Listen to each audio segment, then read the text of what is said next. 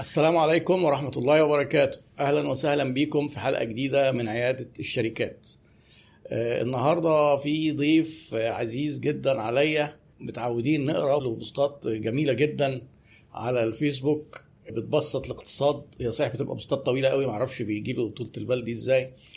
وبيتكلم في حاجات معقدة بس بيشرحها بشكل بسيط وبأمثلة جميلة جدا.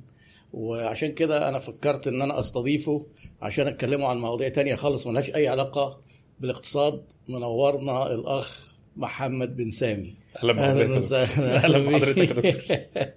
هو يعني أنا حبيتك من كتاباتك في الاقتصاد بس أنا ما بحبش الاقتصاد وما بنحبش نتكلم فيه فعايزين نشوف هنتكلم في خليه على جنب. نتكلم في أي حاجة الاقتصاد تانية. على جنب آه، بالظبط. علشان يعني ورانا عيال عايزين نربيهم. بالظبط لا وبعدين الناس مش عايزة دايما تسمعها حاجة يعني ادينا أمل. يعني عايزين نتكلم في حاجة هو برضه هتتكلم في الاقتصاد. تك... يعني آه. الاقتصاد ما فيش فيه أمل مثلا قصدك لا لا؟ لا كل شيء تمام. بس الناس بتبقى عايزة ساعات حاجات آه، يعني من أكتر البوستات بيحصل فيها أيوة. تفاعل إن الناس تبقى في البوست تلاقي إيه آه، تعملوا كذا عارف مثلا آه. حاجات مثلا خاصة. بالاقتصاد أقول لهم مثلا الكارت بتاع الفلاني ده مثلا بيعمل خصومات في الحتة الف... مثلا آه. رغم إن ال post ده بحسه ساعات post قد ما تحسه post بسيط آه. بس الناس أيوه أنا عرفت أخبار الاقتصاد ما عملتش حاجة لكن ال post ده هستفيد دلوقتي بيه هستفيد بيه بالظبط فإحنا آه. ممكن نتكلم في حاجة تفيد الناس اللي أيوة. عايز بقى البوستات التانية هو على ربنا فكرة معاه. آه، يعني من ضمن الحاجات اللي أنا يعني لقيت عندك خبرة فيها كبيرة جدا وبيجي لنا أسئلة على عيادة الشركات يوميا. يا جماعة هم اللي بيبيعوا على أمازون دول بيعملوا إيه؟ طب أنا عايز أعمل موقع وأبيع عليه والتجارة الإلكترونية. طب إيه؟ مطلوب إيه؟ وأبدأ. إزاي؟ وأعمل.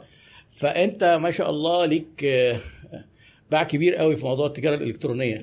من إمتى الكلام ده؟ وبدات القصة دي إزاي؟ و...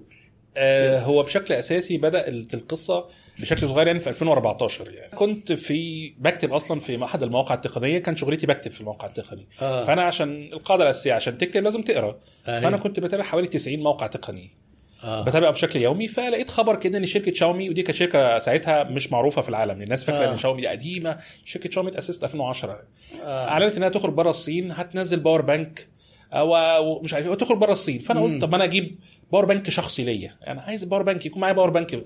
آه. فطلبته من جالي بعد شهرين. فلما جالي عجبني شكله واحد زميلي في الشغل قال لي إيه؟ محمد أنا عايزه. كان AliExpress شغال كان؟ AliExpress آه. كان AliExpress آه. فقال لي أنا عايزه. قلت له ماشي خد ده كان اتفضل. كلفني كام؟ مش عارف كان كلفني ساعتها 180 جنيه. قلت له 200 جنيه. قال لي تمام أهو. فقلت خلاص أنا هخش أطلب لي واحد تاني بقى. عملنا 20 جنيه من الهوا فاتنين زمايل اتنين آه مبلغ 20 جنيه. محترم يعني. آه كان حوالي 3 دولار تقريبا. آه كانت 3 وقتها دولار. آه صح. فتلات اتنين زمايلي قالوا إحنا عايزين. ف ماشي خلاص هطلب إيه؟ ثلاثة واحد ليا واثنين ليكم وهكذا. جه بعد برضك بعد شهر ونص ولا حاجة جم. كان في واحد زميلنا تاني عايز ياخده. وبعدين الموقف ده اتكرر تاني. فأنا قلت إيه؟ آه، سألتهم هو إيه يعني إيه إيه يا جدعان؟ قال لك سعره حلو و quality حلو ومش عارف إيه آه، وبتاع. كان كان بيتباع بكام مثلا في مصر وقتها يعني حوالي شبهه؟ 200 وحاجة يعني كان آه. 200 وحاجة برضه يعني لكن كان حاجات 200 وحاجة quality أقل فدي آه. كان سعر حلو قلت طب ما أنا فكرة طب ما إيه ما أجرب أجيب كام قطعة كده وأجرب أبيعهم وبالفعل يعني آه. ابتدت الموضوع من هنا جنب شغلي كام قطعة دول كانوا قد إيه بقى كبداية؟ يعني كنت بادي تقريبا ب 10 قطع مثلا آه. power bank وبعدين قالوا لي عايزين كابلات بقى حلوة بقى. فأنا كنت. power bank عاوز الكابل وعاوز ال power bank منه كان ألومنيوم ساعتها فعايز جراب. فيعني شوية حاجات رفايع كده. نقيت موديلين ثلاثة ساعة كذا ساعة كذا حاجة. فقلت أبتدي بيهم يعني. مم. بس ابتدت من هنا وجنب شغلي في 2014 و15 و16 كل ده أنا بجيب كام قطعة. ابتديت على أمازون. كان ساعتها كانت على آه، سوق. شغلك الأساسي كان لسه إنك أنت آه، بتكتب محتوى بكتب آه بكتب محتوى و... آه. وببيع على أمازون. آه على سوق ساعتها طبعا كان على موقع. سوق. كان سوق طب استنى النقلة من إن أنت جبت لأصحابك اللي سوق جت إزاي؟ ده دي نقلة جامدة. ما أنا قلت أجيب كام منتج كده وأبتدي عايز أبيعهم. ميزة آه. سوق أو أمازون أو الحاجات دي كلها أيوة. إن هي نوعا ما ممكن تديك الستارت. أنت آه. آه. عايز تخش. في ناس دايما تخش أنا هعمل موقع وحد يعرفك في الموقع؟ لأ. هتحتاج تصريف دعاية. صح. وهتحتاج آه، تقعد فترة تجيب بقى آلاف المتابعين علشان الناس يجربوا ويبتدي يجربوا ويثقوا فيك فيبتدي بتحتاج وقت. فأمازون ميزتها إن هي ممكن أو طبعا كان ساعتها سوق. يعني إحنا هنفترض إن هي امازون بحيث آه. تسهيل إحنا اتعودنا على كلمة امازون أيوة. خلاص. أيوه. ميزتهم إن هم يقدروا يدوك الزقة دي. أنت هتجيب منتج هتعرضه. نوعا ما يعني الدعاية هم طبعا هم طبعا في دعاية. طبعا مدفوعة لكن آه، مش محتاج تعمل مجهود أكتر من طبعا في تفاصيل كتير. لكن هما بيديك ال start دي. أنت تخش المنتج وتعرضه. مم. في ناس بت search تلقائي عايزة power bank فيطلع لهم المنتج بتاعك. عكس إن الناس تخش مثلا أنت عملت موقع. موقع حلو جدا. الناس هت search في جوجل إيه احتمالية إن أنت تطلع في ال rank ده يعني صفر أنت لسه في البداية, في البداية خالص ما عندكش أي. حاجة لسه آه. ما جوجل يرشفك. ويشوف كم المحتوى الأصلي ومش أصلي و... وانت ناقل قد إيه والألجوريزمات بقى باندا بتاع جوجل دي وتقعد بقى إيه ترتبك وحوار كبير قوي يعني أو تصرف بقى فلوس إعلانات فأنت مم. معكش فلوس أصلا أنت أصلا ما أنت لو معاك فلوس تصرف ومعاك. كل حاجة ما آه. خلاص بقى ما ت... أنت بادي كبير خلاص يعني. لكن آه، واحد معاه مبلغ صغير. فيقدر يبتدي إيه بال مو- مواقع في المواقع. دي. آه بس فهي ابتدت معايا كده خدت معايا سنة اتنين تلاتة وبعدين قلت لا أنا إيه أسيب خلاص بقى شغلي ده وأنا هشغله من أشتغل من البيت أبتدي آه. أجيب منتجات آه، اتنقلت في شقة تانية أكبر بحيث يبقى في أوضة في شقتي للبضاعة وابتدى الموضوع إيه يمشي تدريجي أوضة في شقتك اللي أنت اللي أنت ساكن فيها لا كنت ساكن فيها آه طبعا آه فحط عشان يبقى فيها البضاعة فيها البضاعة مخزن كأنها لأن انت مخزن لأن أنت خلاص بقى أنت بقيت محتاج بعد مكان. الاوردرات أكبر آه، بتخز... عايز بقى عارف البابل ال- أكياس آه. التغليف بضاعة ما كنت الأول خالص بتحطها في اوضه في أوضة جنب يعني جنب جنب. السرير جنب مش اللي هو آه. إيه لكن دلوقتي خلاص ما بقتش الأوضة دي صالحة للاستخدام يعني فمحتاج. تتنقل في شقة تانية أكبر يعني بس فابتدت العجلة تدور من هنا طيب خلاص لغاية ما جت في مرحلة سبت بقى شغلي القديم خالص وتفرغت وبعدين يعني عين موظفين ابتدت الدنيا إيه نون تتحرك. دخلت وابتدت بقى إيه يعني النمو. حاليا أنت شغال مع أمازون ونون بشكل أساسي أمازون أمازون. ونون وجوميا وبيتك. في ناس كتير ما تعرفش ان موقع بيتك آه، بيتك بي- برضه بياخد multi بياخد يعني آه موردين آه، س- الموقع بتاع بيتك ال sellers اللي على موقع بيتك مش آه. بيتك هو من ضمنهم بيتك آه آه، بس لكن آه، هم بس سامحين لحد سامحين الناس. تبيع بس بيتك مش كاتبة إن دول sellers آه. ودي على فكرة ساعات بتعمل لبيتك مشكلة قد ما هي عاملة ميزة لبيتك إن الناس فاكرة إن كل المنتجات دي بتاعت بيتك بس عاملة له الناحية الثانية مشكلة لو في seller اتأخر بيكلموا بيتك يقولوا لها اتأخرت ليه؟ آه. عكس لما ال seller يتأخر في أمازون الناس شايفة ده أمازون اف في اي اف في إن بتاع نون أيوه جنبه Prime أو جنبه كلمة واسم نون ال seller موجود. واسم ال seller موجود فنقول لا أنا هشتري من على أمازون لكن مش هشتري من ال seller ده عشان ال seller ده آه. وحش آه. لكن الناحية الثانية في بيتك آه، فبيتك آه، قد ما هي مستفادة من النقطة دي إن الناس فاكرة إن كل المنتجات على موقع بيتك بتاعها أيوة. لكن لو صدفت بقى إن تاجر سيء فالموضوع لكن ممكن أقول للناس إزاي تعرف إن ده كان بيتك ولا لأ يعني بمنتهى البساطة إن أنت منتج إن أنت هتلاقيه بيتباع في الفروع لا اللي هو يعني آه. ممكن ت pick up المنتج ده من الفرع الفلاني مكتوب جنب مكتوب آه إن هو إيه آه. ال item ده متاح في الفروع دي ومش آه عارف لو إيه مش متاح يبقى ده بياع يبقى ده بياع بيع. بس يعني طيب وإن كان بيتك برضك عندها الامانه برضك في منتجات بتجيبها ساعات حصري للأونلاين يعني عارف ما آه. بتحطهاش في الفروع آه طيب يبقى لكن بشكل لكن بنسبة 90% لما هتشوف إن دي؟ موجودة في الفروع تبقى دي بتاع بيتك بتاعت بيتك. آه. طيب ندخل بقى في الأكشن لو حد عايز يبدأ النهارده ياخد أولى خطواته إن هو يبيع على أمازون كمثال يعني. هو لسه آه، ما عملش أي خطوة. تمام. تنصحه يبدأ إزاي؟ بس بشيء من الايه من التفصيل actionable الناس ممكن تاخد الحاجات دي تكتبها ورانا وتبدأ تعملها. تمام. آه، أول حاجة نخلي بس النقطة ال- الورق والشركة والحاجات القانونية آه دلوقتي خليها دي نتكلم خليها دي نتكلم فيها. بعدين آه يعني. بالظبط. آه، هو أول حاجة طبعا لازم يراجع كويس جدول العمولات ويفهمه. يعني جدول آه. العمولات بتاعت المنتجات. ليه؟ لأن هو يعني أمازون شوية العمولات بتاعتها يعني معقدة؟ آه، مش مش هينفعش نقول معقدة عشان ما يزعلوش مننا يعني. لكن آه، يعني محتاجة شر- شرح شوية. يعني أيوة. مثلا أنت ممكن تخش تبص تقول الأيتم ده بياخدوا منه مثلا 10% عمولة. آه تعالى وفي مثلا رسوم ثابتة مثلا 5 جنيه. تعالى نفترض. على الأوردر. على الأوردر مثلا يعني مثلا. هي امازون بتاخد فلوس ثابتة على الأوردرات عادة هي ونسبه آه ليها ليها مسميات عندهم. مم. وفي حاجة اسمها رسوم الشحن. امازون عندها ثلاث طب ما إحنا عايزين نقول المسميات بنود. دي. آه. اول حاجة امازون بتاخدها هي العمولة. دي العمولة اللي هي الصريحة بتاعتهم سواء بقى آه. إيه العمولة دي بتبقى 5% 10% 15% حسب البند طبعا آه. تقدر تنزل من على موقع أمازون اللي هو seller dot Amazon dot seller dot ممكن امازون من بتشوف بقى اللي هو seller dot Amazon. eg آه آه seller center dot Amazon eg seller center ما هو لو search في جوجل هيطلع له إيجي. دي امازون له. يكتب Amazon seller هيطلع له على طول اسم أصلا أنت عارف لما تكون حاطط حاجة في favorite بتفتحها آه. لا اراديا كل يوم ب- ف فأنت عارف. ما ببصش ال domain إيه ما بكتبوش آه. فأول حاجة العمولة ال range ها كام؟ range ها أقل عمولة في هي عادة بيبقى أقل حاجة بتبقى في العمولات بتبقى عند الموبايلات عند اللابتوب آه، الحاجات دي الحاجات كلها بتبقى في- حوالي 3% تقريبا في آه. الحتة دي وبتوصل لغاية 15% في بعض ال دي أقصى حاجة آه لا هو مم. أصل أمازون يعني أنت ما تمشي بس معاهم في العمولة آه، هنفهم ال... هنف فأنا دلوقتي جيت. عايزين نفترض إن منتج ثمنه 1000 جنيه. انت عرضه حلو. ب 1000 1000 جنيه حلو؟ آه. اول ونفترض ان عمولته 10% يعني هو. البند بتاعه عمولته 10% فعموله أمازون 100 جنيه. 100 جنيه. طيب أيوة. دي عمولة أمازون. آه، بيضاف عليها 14% قيمة مضافة. يعني أمازون هتحصل منك 14 جنيه قيمة على ال 100 14 آه يعني أمازون هتحصل منك 114 114 دي آه. تحت بند عمولة. كويس. بعدين في بقى بند رسم ثابت ده بيختلف من انت مثلا مشحون من مخزن أمازون مشحون من يعني هو في آه. مبلغ صغير كده 5 جنيه آه على حسب حجم المنتج في شوية تفاصيل كده آه. ليها إحنا يعني مش عايزين نتكروت في التفاصيل ما هو أنا أصل أمازون الصفحة بتاعتها يعني إحنا ممكن البودكاست بتاعنا ده بتاع تفاصيل بالظبط يعني هو في هي آه. أمازون عندهم في اللي هي الرسوم الثابتة دي بيبقى هي يعني هي ليها ليها تفصيلة كده. أيوة. بس هو في مبلغ ثابت انت هتفت اللي هو يفتح يعني صفحه العملاء بتاعت امازون هلاقيها مشروحة بالتفصيل بالأمثلة فيها يعني. مم. آه، ده رسم ثابت. فليكن مبلغ صغير 5 جنيه. طيب. إحنا دلوقتي بنضرب أمثلة بس آه، آه أوكي. بتاع 5 جنيه.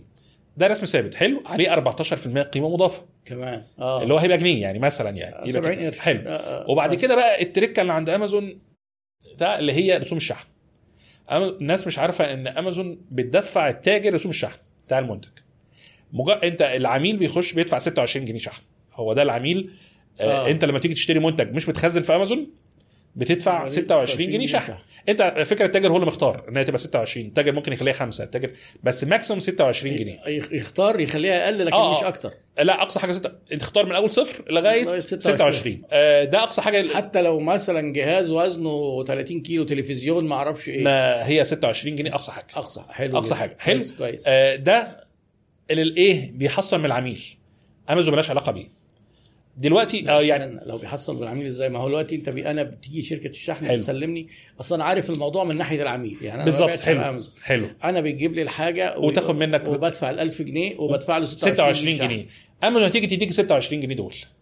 هتديهم لك أنت كإيه؟ ك seller. seller آه وتاخد عمولتهم منها.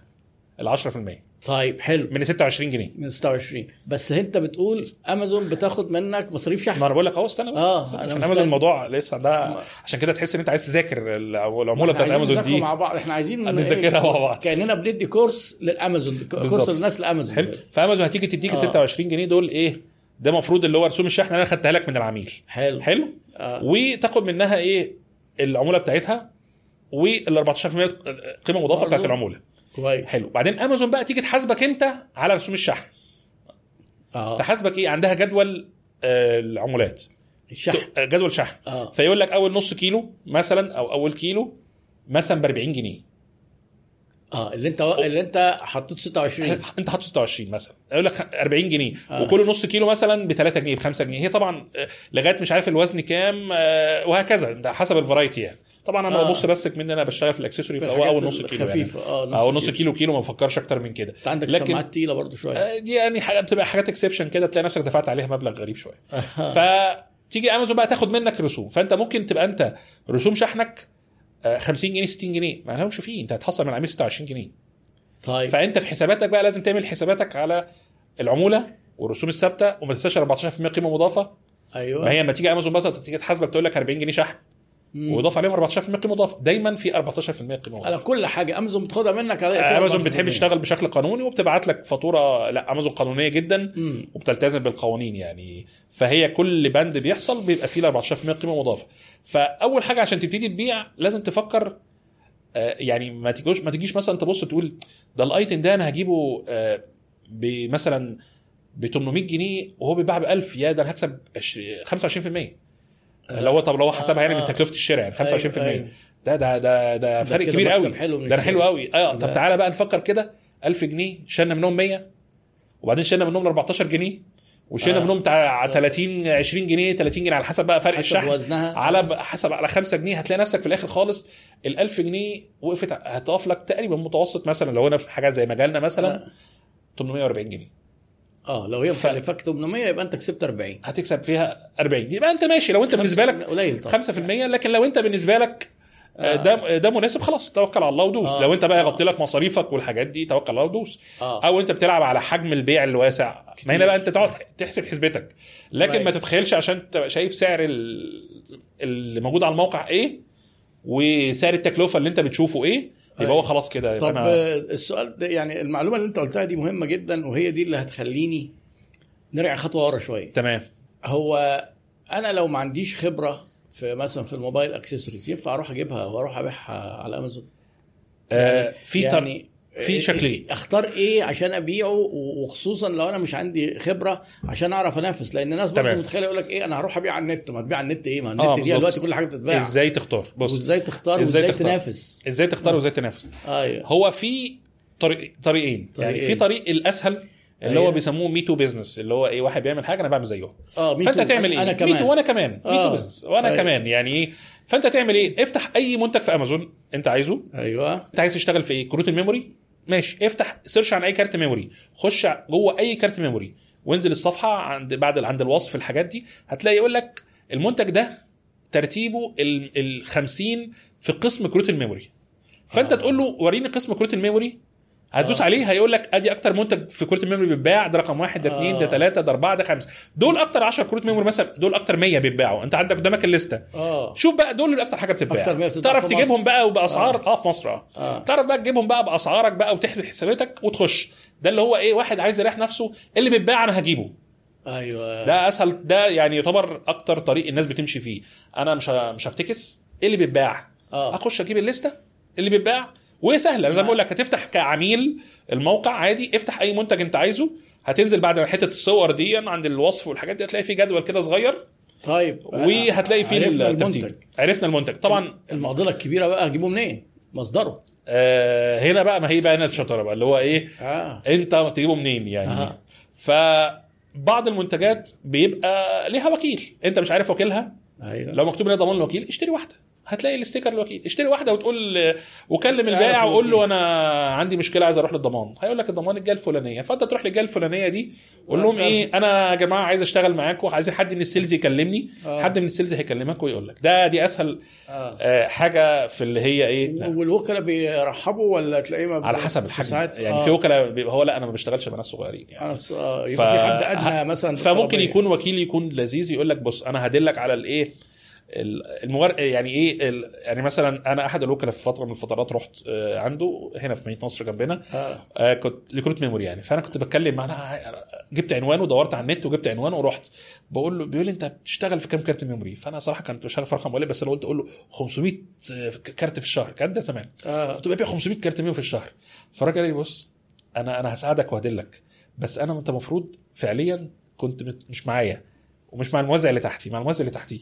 أنا أقل حد آه. آه. بتاع بنتكلم في 5 10000 في الشهر آه فاللي هو أنا ساعتها حسيت اللي هو يا آه، ده طبيعي في. التوزيع في الت... آه. شرايح وكميات هو بالظبط بالظبط فهي ما هي. النقطة فأنت هتروح للوكيل فبعض الوكلاء هم معظمهم هيكونوا ناس كويسين آه. آه. هيقول لك إيه بص أنا ما ببيعش الكوانتيتي دي لكن أنا عندي في موزعين تجار عندي تحتية بياخدوا مني جملة أدلك عليه هيدلك منهم وتشتغل معاهم تشتغل مع التاجر ده كبرت شوية روح بقى للإيه آه للوكيل يعني. فوق ده دلوقتي أنت المنتج- مع وكلاء آه آه دلوقتي هل أنت بتدي لحد حاجات بتجيبها أنت أول إيد وبتديها آه لناس آه. تانية؟ في برضك بعض المنتجات كده طيب ده كويس ما شاء الله لكن الأول جميل. خالص كنت بروح بقى اللي هو إيه نظام ممكن أشتغل معاكم آه ما هو عارف اللي هو ما هو إيه؟ رحله التعلم بتاعت التسع سنين دي آه أنت استفدت فيها معلومات إحنا عايزين نقصر السكة على الناس بالظبط لأن تكلفة تكلفة التعليم بتبقى وندخل بقى ناس كتير ينافسوك يعني ما... آه، رب أنا بقول للناس كل حاجة أهو أيوه جميل والله طيب كويس جدا. يبقى آه، دي الطريقة الأولانية بتاعت إيه مي تو. أنا كمان خدونا آه، معاكم. خدونا معاك شغلونا في الحكاية. آه دي. الحاجة الثانية أصلا أنت تدور بقى إيه الجديد. آه. اللي هو إيه الحاجة يعني مثلا طبعا هنا هتبقى عندك مشكلة إنك هتبقى بره مصر مش هنا المنتجات. وطبعا تحتاج تدور إزاي تجيبها المنتجات المستوردة بره المنتجات. المستوردة. آه. آه. السوق المصري متأخر كتير في مجال التكنولوجيا أنا بتكلم في مجال التكنولوجيا. أيوه. على السوق على بره. يعني لو قلنا في ماوس جديد نزل آه، كروت ميموري جديدة نزلت الحاجات دي ممكن تاخد لها 3 4 شهور 5 شهور عشان تيجي مصر. مين بعد 3 4 شهور مين اللي يجيبها الكبار الحيتان زي ما بنقول يعني. آه، ميزة إن أنت تبقى صغير في ميزة على فكرة إن أنت تبقى حد صغير صغير. عكس ما الناس فاكرة دايما إن الصغير ده عيب يعني ده صغير يفحصه. ميزات. لا في. الصغير ده بنعتبره دايما إن هو موتوسيكل أيوه ده موتوسيكل آه. فاللي هو إيه أنا شغال في مثلا آه، card بجيب card memory خلينا نفس المثال card ال memory ده أنا فاكر بضرب مثال مش بعيد عني أنا أنا card ال memory عندي قليلة بس عشان ما حدش يقول لك انت آه، بتتكلم في يعني- منتجات عنها آه يعني على أساس يعني- إنها معروفة للناس. بالظبط لأن الناس كلها بتحتاج كروت آه. حلو. الكارت ده يجي واحد مثلا أكبر منك تروح رايح جايبه أنت مثلا تكون تاجر عندك بتاع 200 500 قطعة يجي واحد مثلا الكبير بتاع السوق جاب له 10000 50000 قطعة منه دمرك. لكن لو أنت صغير بقى عندك 10 حتت. لقيت واحد كبير قوي جاب خلاص مش مش, مش هجيب النوع ده تاني. آه. وهم 10 حتت اللي أنا إيه فأنا سريع. كمان الكبار قوي دول بيبقى نوعا ما الكارت شغال آه. نزل الجديد السوق لسه ما عرفوش فدايما بيعملوا إيه نوعا ما بيسيبوه للصغيرين الأول مم. ويفضلوا هم يراقبوا لأن هم بيبقى عندهم tools بيقدروا يراقبوا بيها لأن مم. أصلا في tools إحنا ممكن نوصل بعد كده آه، إن في tools الأمازون بتعمل لك analyze وكده بس خلي النقطة دي آه. الكبار عندهم تقول ان في حاجات بيد في حاجات بيد أنت ممكن تدفع 100 دولار آه. في الشهر وأكتر من 100 دولار تشترك في حاجات آه، تشترك في حاجات تعمل لك analyze تجيب data بقى. أنا تحليلات آه غير الحاجات ال free يعني عشان تراقب السوق عشان. تراقب السوق بالظبط آه، كده. حلو. ف آه، فهم الكبار بيبقى عندهم ال tools دي. مم. فهم نوعا ما هو بيبقى رايح يجيب كمية. فالكمية دي هتخليه هيحط مبلغ ضخم. آه. فمش هيجرب. يعني من الآخر يعني الكبير مش هيجرب. آه. فإلا بقى لو ال card ده مثلا عارف مثلا موديل معين وبيعملوا له update كل سنتين مثلا فهو خلاص ده ال update الجديد. خلاص. لكن حاجة جديدة خالص شكل جديد هو ده مش هيبقى في كروت ال memory قوي لأن كروت آه، ال memory ما في فيهاش افتكاسات. قوي. آه. لكن مثلا فليكن ماوس مثلا آه، نزل بشكل معين حاجة آه، keyboard حاجة معينة فده ال gamers الغريبة ال gamers الحاجات دي كده اهو. آه. فبيحصل إيه؟ مثلا تيجي شركة مثلا آه، لوجيتك ريزر مثلا آه، مايكروسوفت أي شركة تعمل ماوس جديد keyboard جديد بتعمل إيه؟ تبتدي تتكلم اللي هم مثلا influencer وال gamer واللي مش عارف مين بره يتكلموا عنه فيبتدي السوق بتاع بره يشتريه فيبتدي يبان عندنا إحنا هنا. آه. فيبتدي الناس اللي هم ال early adopter بقى. ان هم يبتدوا يدوروا عليه مش لاقيينه. كم واحد يكونوا هم بيجيبوا منتجات بدري. آه. اللي هم الصغيرين بقى. هم يجيبوا أربع خمس. حتت. آه. هيقدروا ساعتها إن هم يحطها ب margin. ب margin كبير. فالمنتج ده بعد كده آه، هو عليه طلب نفترض إن الطلب عليه صغير لكن المعروض أصغر. أيوة. فده بيخليك بتبيع حلو. آه. يعني في الأول حلو تكسب حلو. آه لغاية ما إيه المنتج ده نور نور على إيه بقى؟ عند الناس الكبار. يروح رايح جاب كمية كبيرة قوي منه. خلاص أنت ما تقدرش بقى تنافسه. ساعتها أنت تسيبه. وتروح ت- إيه شوف حاجة تانية. ما أنت في مجال مثلا لو قلنا مجال تكنولوجيا مثلا يعني كل آه. كام شهر في جديد على طول يعني وعلى فكرة من أصعب الحاجات مجال التكنولوجيا اللي آه لأن أنت لو فتحت حاجة آه. عندك هتزعل يعني يعني لازم آه، بسرعة تشقلب وتروح الحاجات اللي اللي هي الكلاسيك شوية ممكن نعتبر مثلا ملابس ما أعرفش ملابس يعني آه يعني اللي هيحصل لها اللي بقى لو الموضة خلصت بس الموضة مش هتخلص بين يوم وليلة يعني. التيشيرتات دي ما يعني في حاجات كده standard. بتقعد فترة آه يعني واحد مثلا بيشتغل في حزام حزام البنطلون مثلا آه. حزام البنطلون ده هو. شكل واحد بقاله مثلا زي ما ده هنغيرهم في بقى مثلا في بخ... وأنت من 20 سنة ممكن تكون لا زالت لغاية النهارده بتجيب نفس, نفس شكل. style حزام. البنطلون آه. فممكن الجلد بقى يتغير بس أنت. خبرتك كلها في إكسسوارات ال- في electronics آه electronics electronics لكن ما اشتغلتش في ال- الحاجات التانية وإن كان الحاجات التانية يعني ودي النقطة بقى إحنا ك معظم اللي بيبيعوا أونلاين عادة رجال في مجالنا رجال آه. لكن في بقى حاجات تانية بعيد عننا إحنا ال- يعني لو انت بتفهم أو حد يعني هو بيفهم فيها الحاجات بقى اللي بت target الستات دول مجال آه. آه. أوسع اللي هي بقى البرفانات الهدوم الميك اب الحاجات دي مم. ده مجال واسع لكن هنا بقى نقطة تانية الأمازون والحاجات دي أنا سهل أروح أجيب card memory وأبيعه لكن لو فكرت مثلا تجيب بعض ال cosmetics والحاجات دي كلها لا ممكن يطلب منك حاجات تانية غير إن مجرد فاتورة. عايزين مثلا آه، زي حاجة دي مطابقة لمواصفات وزاره آه. الصحة.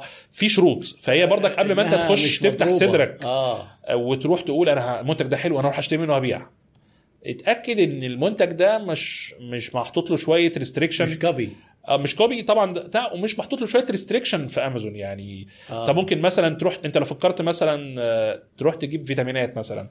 أمازون في السعودية أمازون في الإمارات بتبيع فيتامينات. طب أمازون في مصر؟ لا قانون مصر بيمنعها بيمنع فأنت مثلا ما تقولش إيه. أنا شايف ان أنا شايف أنت انت قاعد تخش بره تقول إيه أنا زي أنا هشوف مين أكتر الحاجات بتتباع بره وأروح أجيبها مصر. وهجيبها مصر قبل الناس. فتلاقي مره إن الناس كلها أصحابك بره بتشتري بتشتري فيتامينات. طب ما إيه ده؟ صحيح هما إزاي ما خدوش بالهم في مصر؟ فتروح تجيب قبل ما تشوف قوانين أمازون. خلاص أنت معاك شحنة بقى ونيه هتبيعها إزاي؟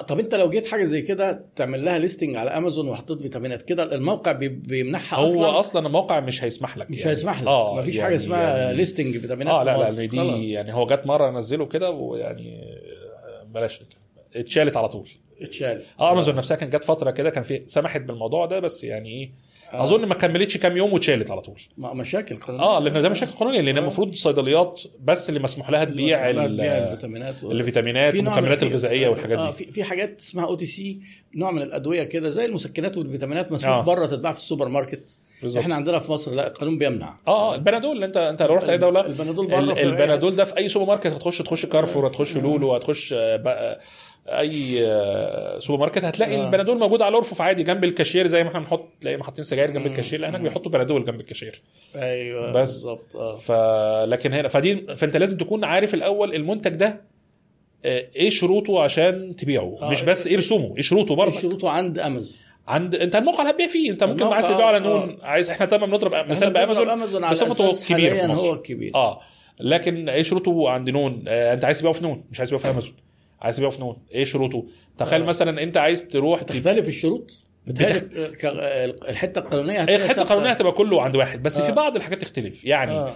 أنا عايز أشتغل مثلا في الموبايلات في الموبايلات بتقرر إيه آه أمازون مثلا من ضمن اللوائح عندها دلوقتي يعني هي ممكن هي زي بت recommend ك يعني لاسباب أخرى إن هي عايز تجيب موبايلات آه يبقى تخزنها عندي في أمازون تخزنها تخزنها عندي في امازون آه.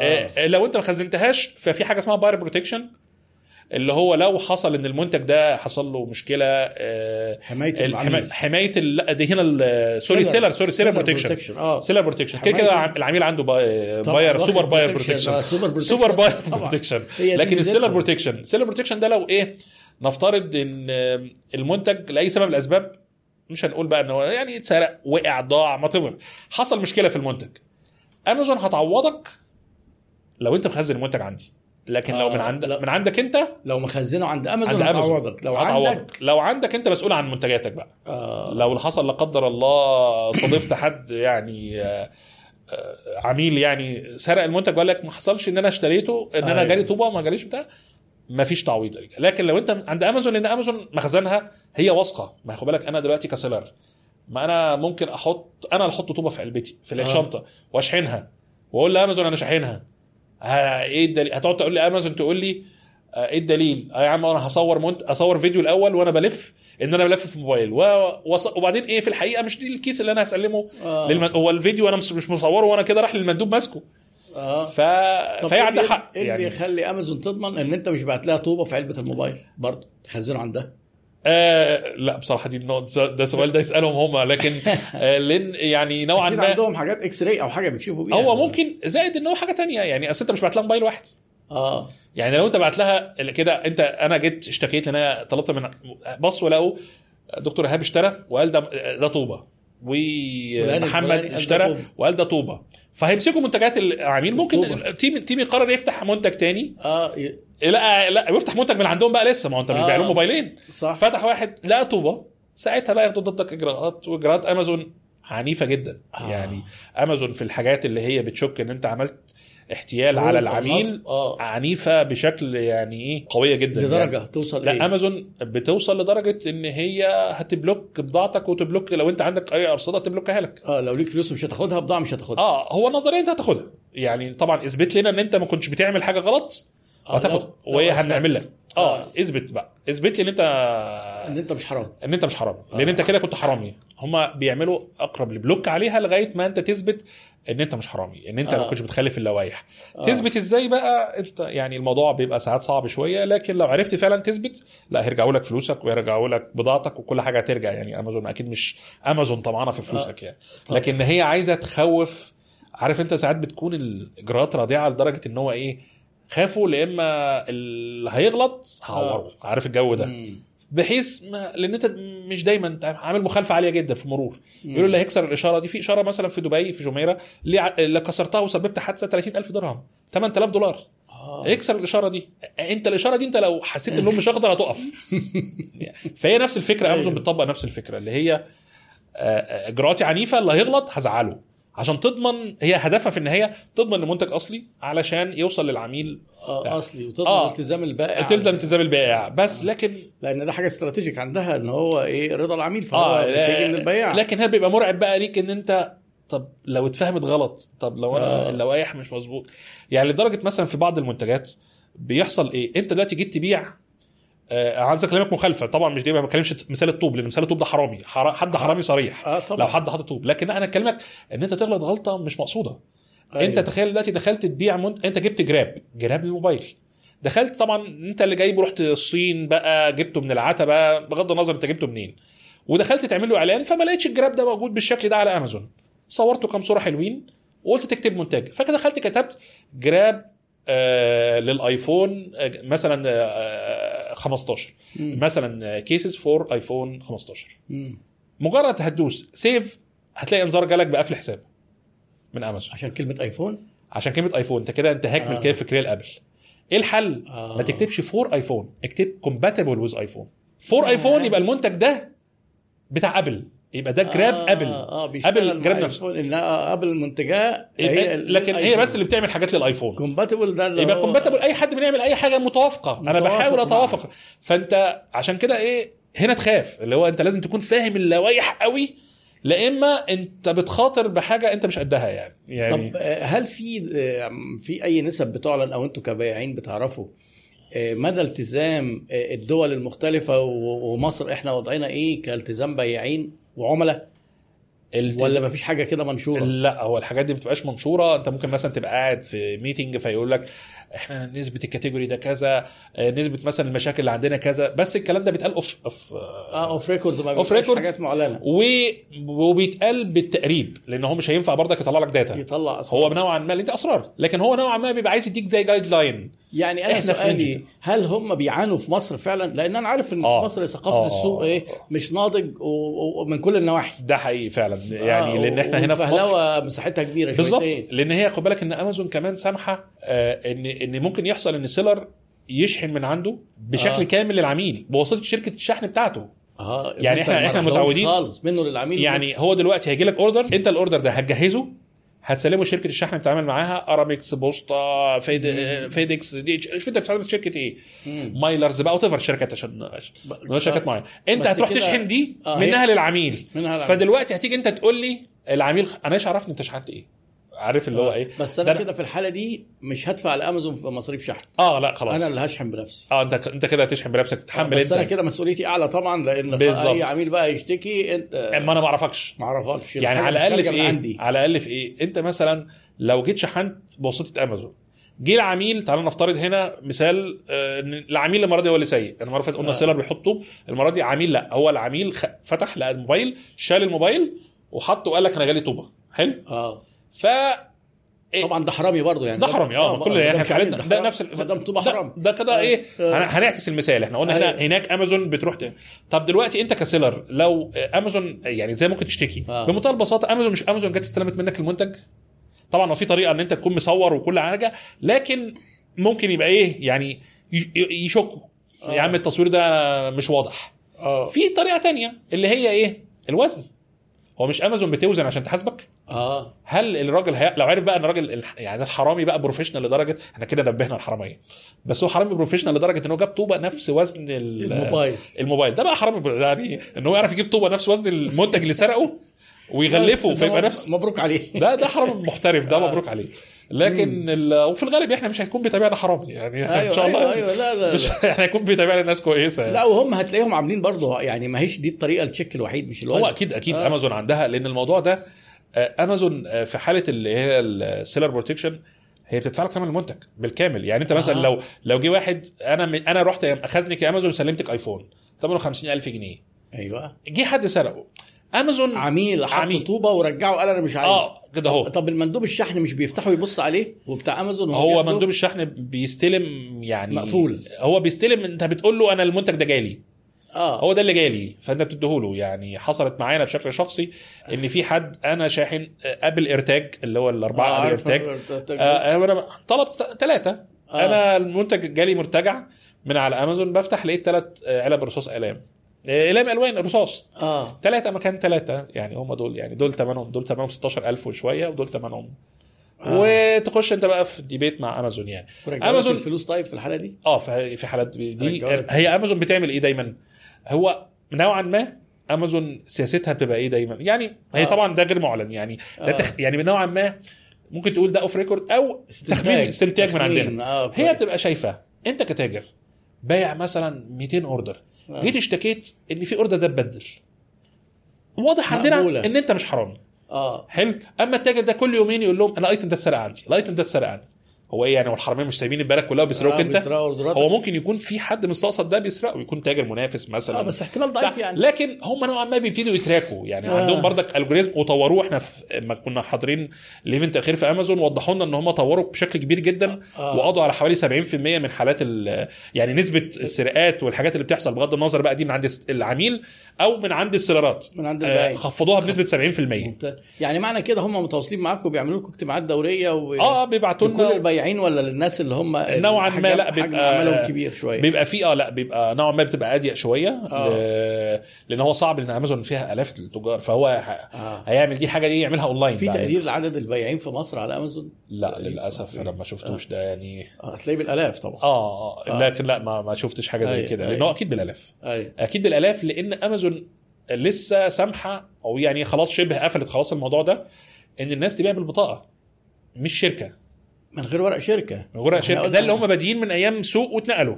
آه كان سوق لكن ما- نون وجوميا من أول يوم أنت عشان تبيع لازم تبقى seller شركة. ومعاك سجل تجاري وبطاقه ضريبيه فأمازون كانت سامحة سوق كانت سامحة بالموضوع ده إن أنت تبيع بالبطاقة. فالناس كلها معاها بطاقه يعني آه مش ف... ف... فسهل إن في عدد التجار في امازون أكبر يعني غير إن هي. أكبر مكان كمان. كان الاجراءات إن أنت تفتح فيها account كانت أسهل لكن طبعا دلوقتي قوانين منع الموضوع ده فأمازون. بتقفل الموضوع وتبعت لنا سجل تجاري وبطاقه. ضريبيه لما نقفل ال account وتبتدي إيه طيب تمام كل ده إحنا بنتكلم في الطريقة الأولانية اللي بالظبط. هي أنا كمان إيه هشوف حاجة بتتباع بالظبط. وهدخل أبيع إيه الطريقة الثانية بقى إحنا كنا من... إحنا قلنا جزء منها إن هو إن أنت آه. تشوف الجديد اللي بينزل بره آه إن أنت تشوف الجديد أو إن أنت. آه يعني أو إن أنت مثلا بتشوف الجديد أو إن أنت برضك تشوف آه حاجة بره امازون يعني زي علي اكسبريس مثلا علي اكسبريس زي ما برضك في منتجات سيئة جدا وضايعة آه. لكن في منتجات بتبقى حلوة أنت علي اكسبريس هينفعك في حاجة هينفعك في حجم السوق يعني تجيب قطعة قطعتين تجرب المنتج. مم. طبعا أنت لو فكرت تخش تقول أنا هطلب 50 كابل. جمارك يعني لو عدت لك الشحنة يعني ممكن الجمارك توقف لك الشحنة تقول لك ده استخدام تجاري طبعا. هو ممكن الكابلات دي ممكن لا إحنا فرضنا مثال كابل لا الكابل عادي الكابل ممكن يعدي أظن 20 30 كابل ممكن كابلاته بتبوظ. لكن. ما كنتش مثلا تقول أنا عايز أجيب إيه مثلا؟ كروت memory مثلا لما نرجع لمثال كارت memory عايز keyboard أنا عايز أجيب 50 keyboard طبعا بفرض إن. أصلا آه. مفيش حد في الدنيا يستخدم 50 keyboard يعني آه. يعني ما هنا برضه عايزين نوضح للناس الفرق ما بين الاستخدام التجاري والشخصي بالظبط يعني آه، لأن الحتة دي مهمة جدا وفي ناس فلوسها راحت برضه في الحاجات دي آه حاجاتك. بدا إحنا نفترض إن أنت طلبت دخلت طلبت الأول شوية منتجات أنت علي اكسبريس ممكن يخدمك في إن أنت تشوف أفكار جديدة لمنتجات آه لكن إن أنت هتعتمد عليه ك source وك source تجاري كبير آه، مش هيكون مسعف ليك. لكن انت ممكن تجيب كابل اتنين آه، كارت لعبة حاجة وتجرب. طب لو مشيت هتعمل إيه بقى؟ انت عايز تجيب كمية في الحالة دي؟ ما هو انت بقى إيه تبتدي تدور على source ليها يعني. ممكن بقى يا انت إما source في مصر. في source في مصر أو source بره مصر. تخلي حد مستورد يجيبها لك بقى آه تشوف ما انت ممكن تروح تشوف بقى مستوردين. هم آه. يقولوا لك الناس اللي بتستورد من الصين تقول لهم أنا عايز المنتج ده آه. عايز أجيب منه الكميه الفلانية. فهو يستوردها لك. يعني آه، طبعا هو الفرق ببساطة إن هو إيه حد جايب مثلا حاجة لاستخدامه الشخصي جبل بالظبط. أو اثنين أو خمسة بالظبط أو الاستيراد إن هو لازم يكون بقى سجل تجاري وبطاقة ضريبية آه، وفي. نشاط استيراد ولازم يبقى عامل حاجة اسمها سجل مستوردين بالظبط ويبقى محول فلوس من البنك ويعمل حاجة اسمها نموذج إجراءات بقى وتخليص آه آه آه شغلانة تانية تماما لو هم شكوا إن أنت شخصي وبتقول وجايب كمية تجاري بتبقى بتهيألي بتبقى مشكلة جامدة وممكن يصادروا الحاجة وحاجات آه. لأن هو يعني هو أصل هو هو أصلا أنت لو جبت كمية مش مش كبيرة قوي آه ممكن يدخلوها لك بس يروح حاطط لك عليها جمارك يعني أكتر من ثمنها فاللي آه. هو أنت نظام إيه اللي هو نظام بنقرص ودنك. يعني عارف مثلا تعالى نفترض إن هو مثلا إيه هيدخل لك خمس كابلات كابل 2 3 4 5 هتلاقيه بيجمركك بسيط. فأنت تقول الله دي جميلة قوي أنا هطلب المرة الجاية 20 كابل. فتلاقيه طبعا أنا كنت مثلا بجيب خمس كابلات آه. وأدفع 500 جنيه. مثلا تعال آه نفترض مثلا. آه. فأنا لو جبت 20 هدفع هدفع 2000 آه. تلاقي لا حاط لك 4000 اللي هو نظام ما تعملش كده تاني. و- آه، أنت ملاحظ آه، إن الجمارك الفترة دي في الحاجات الشخصية اللي زي كده آه، اختلفت عن زمان لو- كتقديرات وك هي في كتكلفة؟ في نوعين من. يعني تحس إن هو أنت في نوعين من ال... لو أنت عايز تجيب حاجات شخصية دلوقتي إحنا إحنا آه هنجيب حاجات شخصية مالناش دعوه بالتجاريه لا التجارية ليها حسابات آه ووضع تاني شخصية على أساس آه، تجرب بيها أو عايز تجرب آه أو- بيها يعني أو- دخلت أو. أو أنت سواء جبت بقى إيه يعني مثلا أنت في كابل لا، مش عارف حكاية الكابل معانا بس آه. مكمل معانا مثال الكابل آه. كابل عجبك فقلت خلاص أنا هجيب واحد أستخدمه شخصي ليا وأجيب أيوة. واحد تاني أعرضه يمكن إيه يتباع يتباع ولو عجبنا نبقى نشوف ساعتها هجيب منه إزاي لو أنت رحت لشركات الشحن لو أنت المنتج ده جاي مش شرط أمازون. أنت ممكن تكون طلبته مثلا من أمريكا على Shop and Ship و Shop and Ship تشحنه على مصر أو من أي دولة مثلا فيها Shop and Ship. الجمارك بتاعت شركات الشحن السريع يعني هو في رسوم ثابتة ضخمة. يعني مم. هيقول لك رسوم نافذة رسوم مش عارف إيه رسوم مش عارف إيه. فأنت هتلاقي مثلا دفعت لك 300 جنيه 400 جنيه. دي رسوم ثابتة على الشحنة. مالهاش علاقة الشحنة فيها حتى إيه لو كابل. آه. فأنت تروح تجيب حاجة ب 100 جنيه تلاقي نفسك دفعت عليها إيه؟ 500 آه 700 500 جنيه و700 جنيه. فات. الجمارك بتاعت علي اكسبريس والبريد السريع لا دي حنينة شوية مم. لأن هي نوعا ما برضك بتتعامل مع منتجات له value هم عارفين آه. بس أنت ما حدش هيجيب أو هو لو نفس الكابل جاي مع هو دي برضك من الحاجات اللي هي نفس الكابل جاي مع DHL وجاي مع علي مع بريد هم هيجوا في دماغهم أكيد الكابل ده عشان واحد يجيب كابل DHL أكيد الكابل غالي. طبعا. يبقى أنا يبقى نجمركه كتير. آه. لكن أنت جايبه مع البريد اللي هو بياخد شهر ونص في الطريق عشان يجي أو شهر أو كده أهو. ده يبقى حاجة راجل كحيت بقى فراجل بقى مش لاقي بقى فإحنا إيه؟ بس هو كده كده مش بيبقى فيه فاتورة ولا الجمارك ما بيبصوش قوي على الحاجات دي؟ هو الجمارك طبعا بيبص على الفاتورة آه، لكن يحق المندوب الج- ال- ال- الجمارك آه. إن هو ما يصدقهاش لأن يقول لك طبعا. تضارب فاتوره مع منتهى أيوة. البساطه يعني أصلا أنت دلوقتي ده استخدام شخصي يعني آه. لا في دليل إن أنت محول الفلوس دي يعني انت في حالة الاستيراد التجاري لا انت معاك تحويل البنك وورق البنك آه والحاجات. دي فده. يثبت إن أنا دي الفلوس أيوه لكن أنت جايب شخصي أنت راح تجيب حاجة ب 2 3 دولار 5 دولار هتقول لهم هيبعت لهم كشف حساب الفيزا بتاعك وهم علي إكسبريس ممكن الموردين من هناك بي... بيلعبوا في الفواتير فعلا تقول له ابعت لي فاتورة ب 2 دولار لا. هو بيكتبوا أرقام يعني هو ممكن أصلا ما يحطش فاتورة عادي يعني, آه. يعني أنت عشان لي كام ب 2 3 دولار أكتبه لك إيه ربع دولار ف... يعني أيوه صح فما فيش في مكان إن هو ينزل آه. أنت راح آه. يشتري حاجة غالية هو اللي بيحتاج يلعب يعني. ف فالعلي إكسبريس والحاجات دي ممكن يعني يديك فكرة أشكال من المنتجات لكن الناحية الثانية هتروح بعد كده إن أنت عايز أستوردها إزاي؟ آه. طب المستوردين لكن ما ينفعش علي اكسبريس كمورد تعتمد عليه باستمرار تجيب منه وتبيع على أمازون. بشكل آه، مستمر الكميات. هو من ضمن الحاجات اللي ده هي كان زمان كان في كان ناس زمان شغاله آه كده. أنا كان في ناس كنت أنا كنت من ساعه ما اول ما بدأت كنت لما بدأت بدأت، آه، دلوقتي من مواقع كده ومواقع. بيعملوا كده بالتالي يعني قابلتهم مشاكل وبطلوا الحكاية دي. هو أنت ممكن تقابل إيه؟ مشاكل أصلا آه، مختلفة. زي ما قلنا في لوائح أمازون عندها أمازون عندها كم كبير من اللوائح. هو إحنا ممكن دايما نقول أمازون عندها لوائح هي نون عندها برضك لوائح. آه. بس امازون كمان هي standard ممكن نقول عالمي فهي عندها كمية guideline عايزة quality معين. ال control ف... بتاعها أعلى. آه فهي عندها لوائح أكتر من أي حد. فإحنا أيوة. كمصريين مش هتحس إن إحنا مكتفين قوي. آه. خاصة إن هي نوعا ما هي جاية عارف أنت أنت جبت guideline حطوه في أوروبا وأمريكا وجيت بيه نزلت بيه لمصر. فأنت تحس بالتكتيفة شوية. اللي هو مثلا تعالى الموضوع معلش هقطعك شوية.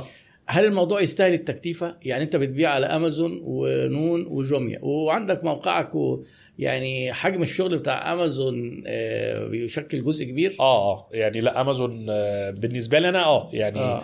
بتستحق التكتيفة وإن كان الفترة الأخيرة ابتدت إن إن الموضوع يعني ممكن نقول ال margin اللي أنت بتتكلفه مقابل القيود دي بيتاكل يعني يعني امازون عايزة زي ما قلنا آه. عايزه control شوية خاصة السوق المصري سوق عشوائي وفوضوي شوية. هي عايزة ت- ت- عارف تحسن ال quality شوية. فبقت آه.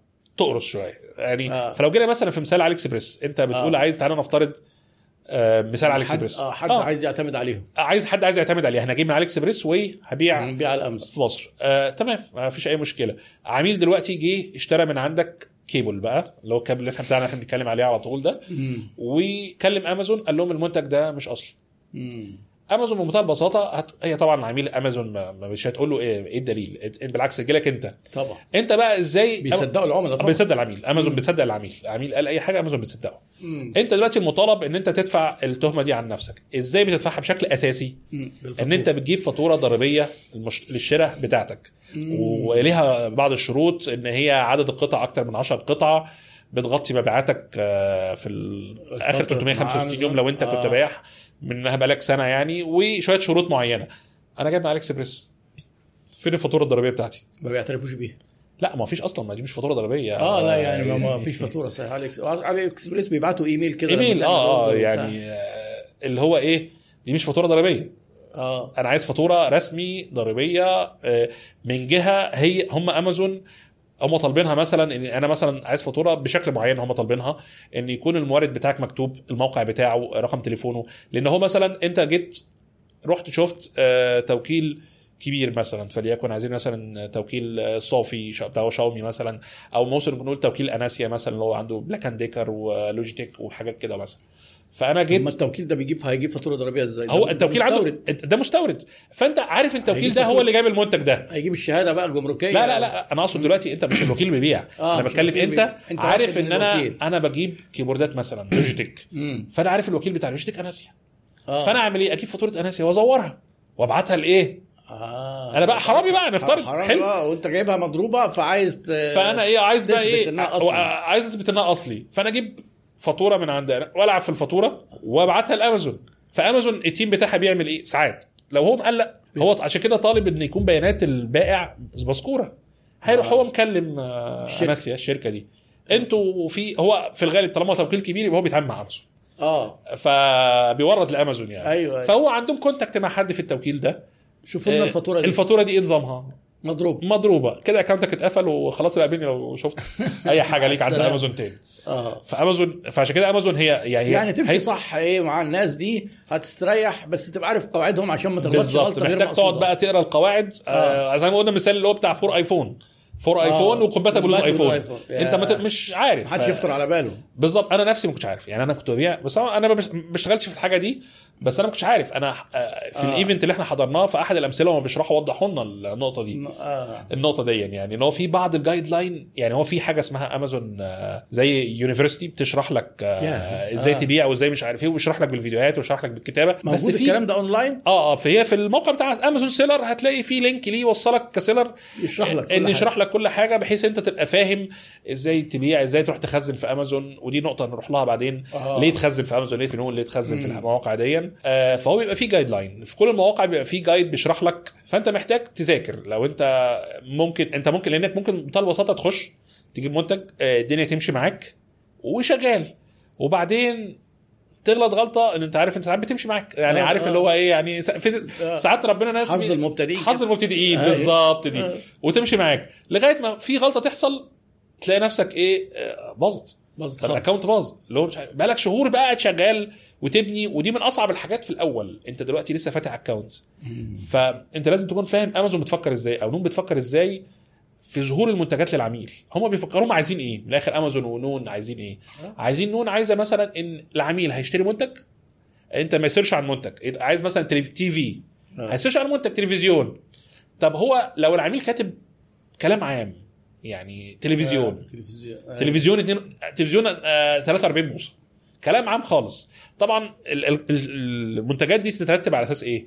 طبعا في بعض العوامل زي إن يبقى في آه كلام ال keyword المستخدم والحاجات دي آه. كلها ده ده زي الكلام search. التقليدي آه ده الكلام التقليدي في أي موقع في الدنيا لكن لا في عوامل تانية هم بيدخلوها طبعا ده مش مش مش حاجة هم كاتبينها لنا لكن آه. بالتجربة بنبقى. فاهمينها يعني. آه. اللي هي إيه إن هو أول حاجة مثلا عايز هو من الآخر بيفكر إزاي عايز تجربة العميل تكمل آه. بمعنى تبقى سهلة و... آه فأنا سعيد أنا بالنسبة لي تكمل إزاي منتج و seller. هو آه، آه. عباره عن منتج و seller.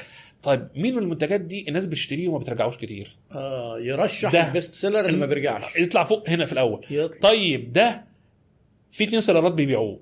في seller يعني بيشحن أسرع طبعا فرضا إنه بيشحن كلهم آه. بيشحن أسرع أو هو مخزن عندي. فده آه، أنا ضامن ال reviews- سرعة الشحن. ال reviews. أحسن. فيحط آه. هو قبل ده. فهو بيرتب لك حلو كده. آه. فأنت مشكلتك لما تخش تبتدي يعني أنا جبت يعني ممكن حد يكتب أو يبقى يكتب في ال comments آه. يقول لك إيه أو بيتفرج دلوقتي يقول يا عم ما أنا جبت كام منتج وفتحت account على أمازون عرضتهم ومحدش ومحدش بقى بالظبط. مش هيظهرك لسه. مش هيصير أنت لسه أنت لسه بادي فتخيل عشان كده بقول لك عشان كده لما نقول المثال حق حظ المبتدئين واحد ابتدى. ودخل وقعد وابتدى وباع وبعد ما خلص الشهور الصعب- الصعبة وابتدت ها العجلة. تدور يغلط غلطة تقفل له اكونته آه. فعشان كده لازم تكون انت شايف ومذاكر يعني آه لأن الشهور الأولانية دي بتبقى أصعب حاجة لأن طبعا. انت طبعا عندك options أسهل option اللي هو الاعلانات المدفوعة آه امازون أو نون تعمل إعلان على تعمل إعلان مدفوع. فنوعا آه. ما منتجك هيطلع في الأول عشان sponsored عشان sponsored آه دافع فلوس فيطلع في الأول فأنت هنا بتبقى كتير آه، زي أي مزادات اللي هو آه. آه. مثلا اللي هو إيه عدد الظهور عدد ال- الحاجات دي. فبيبقى ليها تفاصيل يعني آه، تمام. يعني اعلانات يعني أنا بشكل شخصي ما استخدمتهاش يعني خالص. مرة واحدة مثلا طب كويس ويمكن عشان أنا أمازون عميل قديم فاللي هو سيلر قديم فنوعا ما عندهم تاريخ عني فبيطلعوني لكن آه. آه. ليا صديق صادمهم آه وطلع آه وابتدت الدنيا تدور فأنت بتروح عامل إعلان أنت بس هدفك إيه؟ الناس تشوفك في الأول فتشتري منك تتحرك. فلما آه. تشتري منك وأمازون تلاقيك بتشحن منتج مظبوط الناس ما بتشتري ما بترجعش آه، خدت تقييم إيجابي كويس فخلاص خلاص، تبتدي أمازون. ت recommend ك فأنت مش محتاج بقى الإعلان أيوه. يعني إيه. فطبعا لكن إيه أو إن أنت بقى تحط منتجك وتدعي بقى ربنا بقى إيه يعني سعرك يبقى أحسن. ما ممكن مثلا آه. تختار منتج زي ما قلنا me too. فأنت رحت جبت نفس المنتج اللي تاجر كبير جامد بيبيعه. أنت دخلت تقعد معاه. نوعا ما أنت تبقى مختفي تحت كسر لأن أنت أحيانا بتشوف بائعين آخرين تحت اللي هي أيوة، المنتج. أيوة. تدوس تلاقي في واحد أرخص. آه هو بقى ده السبب بقى ان هو إيه امازون مين الأرخص؟ ما لسه ملوش تقييمات. آه، مش مخزن عندي. آه، فهي إيه عندي. لكن أنت ممكن واحد يفتح لا أنا عايز أرخص واحد. أنا واثق في امازون أنا هشتري من أرخص واحد ده لو ما طلعش هو هرجع له. وما عنديش مشكلة أنا بستحمل وقت وبستحمل الإرجاع وإجراءات الإرجاع. فساعتها أنت بتعرض وجالك لغاية ما يجي لك ربنا يرزقك بالمشتري ده وإيه يشتري منك يعني. طيب دلوقتي من الكلام كده وإحنا بندردش أنت قلت ثلاث طرق على ما أعتقد آه، لأن أنت آه، تشحن وتخزن وأنت بتبيع على أمازون. آه. آه، تديهم الحاجة وهم يشحنوا من عندهم. تمام. آه ده في ده, ده من أفضل آه، حاجة أو إنك أنت آه، تديهم مصاريف شحن وهم يجوا ياخدوها منك. بالظبط. من عندك ويوصلوها للعميل أو إن أنت تشحن بمعرفتك وتوصلها أنت للعميل. بالظبط. طيب إيه ميزات وعيوب الثلاث طرق دول؟ و... وعلى أي أساس نختار أي طريقة نشتغل بيها؟ أول حاجة التخزين التخزين مم. ده يعني يعتبر دايما اللي هو الاف بي اي الاف بي اي أو إن هي نون اكسبريس اللي هي في نون تلاقيها جنبك. جنب اسمك كده علامة النون الصفراء آه. أو امازون مكتوب جنبها جنبها Prime في امازون مم. دي تعتبر أفضل طريقة والشركات بتزق ليها ليه من ناحية الشركات بتبقى شايفة المنتج عارفة آه. اللي هي هو أمازون. فعلا آه مراجعة عندها أمازون. ونون آه. آه. نون جات لها جالها المنتج رجعت ده الباركود بتاعه فعلا بيضربوه بيظهر صورة المنتج تمام هو بيستلموا منك يعني مم. وفعلا المنتج ده تمام وكل شيء تمام ده أول حاجة فده ميزته في إيه ان هو من ناحية السرعه مم. آه العميل طلب الأوردر. هنشحنه له في نفس اليوم هيوصل له تاني يوم على طول مم. بل إن هو بعض المنتجات في بعض الأحيان إن هو بتبقى فيها ما أعرفش أمازون كل شوية تشغلها وتوقفها اللي هي same day delivery اللي هو day، آه. آه كان جت كذا اشتغلت وقفت اشتغلت وقفت أنا مش عارف حاليا بصراحة شغالة وقفت من كتر ما هي مم. وقفوها يعني بس ده كان بيبقى في منتج high value يقول لك هتشحن لك بكرة مجانا أو يتشحن لك النهارده مثلا وتدفع 60 جنيه فأنت مثلا داخل تجيب تليفون ثمنه 25 30 ألف أنا لسه استنى بكرة هات يا عم النهارده يا عم 60 جنيه مش مشكلة مم. فسرعة الشحن ليه؟ قرار الشراء دايما حضرتك طبعا بدأنا في. قرار الشراء طبعا قرار عاطفي شوية طبعا فساعات كتير يشتري وبعد ما ادفع بدوس إيه اللي أنا عملته ده؟ فانا لا أنا مش هجيبوش. لا أنا هجيبه. لا أنا هرج... مش هستلمه. لا هستلمه. مش هستلمه. كل ما بتتأخر في وصول المنتج للعميل بتدي له فرصه لو رجع في كلامه. كنسل. صح. فأنت عايزه بسرعة يوصل. فزي ما قلنا أيوة. امازون هدفها في إيه أو نون هدفهم إيه؟ إن المنتج يوصل بسرعة إن تجربة البيع تتم. آه. فإيه؟ نسبة المرتجعات بتقل. فهو لما يكون بيخزن المنتج عنده خلاص. هيوصل بسرعة. آه. يبقى دبسنا العميل عارف اللي هو؟ قبل ما يرجع في كلامه. أيوه. فخد المنتج. فده منتج عندهم فده فيه ميزة. حاجة كمان إن أنت بتوفر مجهود موظف عندك. لو أنت مخزن المنتجات عندهم بتوفر مجهود موظف. مم. إن في موظف قاعد بيلف الشحنة ويجهزها والحاجات دي كلها. مم. ويحطها في بابل بقى. لو المنتج بتاعك قابل للكسر يحطه في كيس يغلف. المندوب بتاع أمازون أو بتاع شركة الشحن بتاعك جه لا ما جاش النهارده. طب مش عارف إيه. فده أنت توفر ال hassle ده كله وحط المنتج عندهم هم المسؤولين عن شحنه وتوصيله والحاجات دي. ده من الحاجات ثالث حاجة إن العميل نفسه ممكن نقول أكتر من نص الناس مثلا ده طبعا ده محدش يقول لي المصدر يعني ده رقم. كامل بالحب. أكتر من نص الناس فاكرة إن هي لما تشوف كلمة Prime جنب المنتج أو لو نون. إكسبريس لا إن ال seller أمازون أو ال seller نون آه ما دام Prime يبقى هم السيلر آه هم أيوة. ال seller أو هم عملوا check للمنتج ال check أيوة. اللي هم يعني في ناس ثقة ما موجودة هو تشيك للمنتج تشيكوا المنتج من ناحية الباركود هو ده الباركود اللي داخل عندنا آه. عارف اللي هو لكن المنتج نفسه ما ممكن يكون جوه فيه طوب زي ما قلنا أيوه أيوه لكن الناس بتبقى فاكرة إن لأ امازون عملت كل أنواع ال check وفحصته آه. بال X-ray و... آه. وفحص لا هو في فنوعا فحص ما درجة من درجات الفحص حصل في بس في ممكن ما فحص تبقاش خفيف آه آه فنوعا ما ده بيدي trust أكتر لأن أيوة. العميل بيبقى قاعد طالما متخزن في خزن امازون يبقى تمام دي بردك من ضمن المزايا. بردك من ضمن المزايا الشحن المجاني إن آه. امازون أو نون عاملين أظن 350 جنيه دلوقتي أو لا 400 مش فاكر بصراحة الرقم ال- لأن آه. أنا ما بشتري. أنا كمحمد امازون أنا كعميل Prime في امازون آه.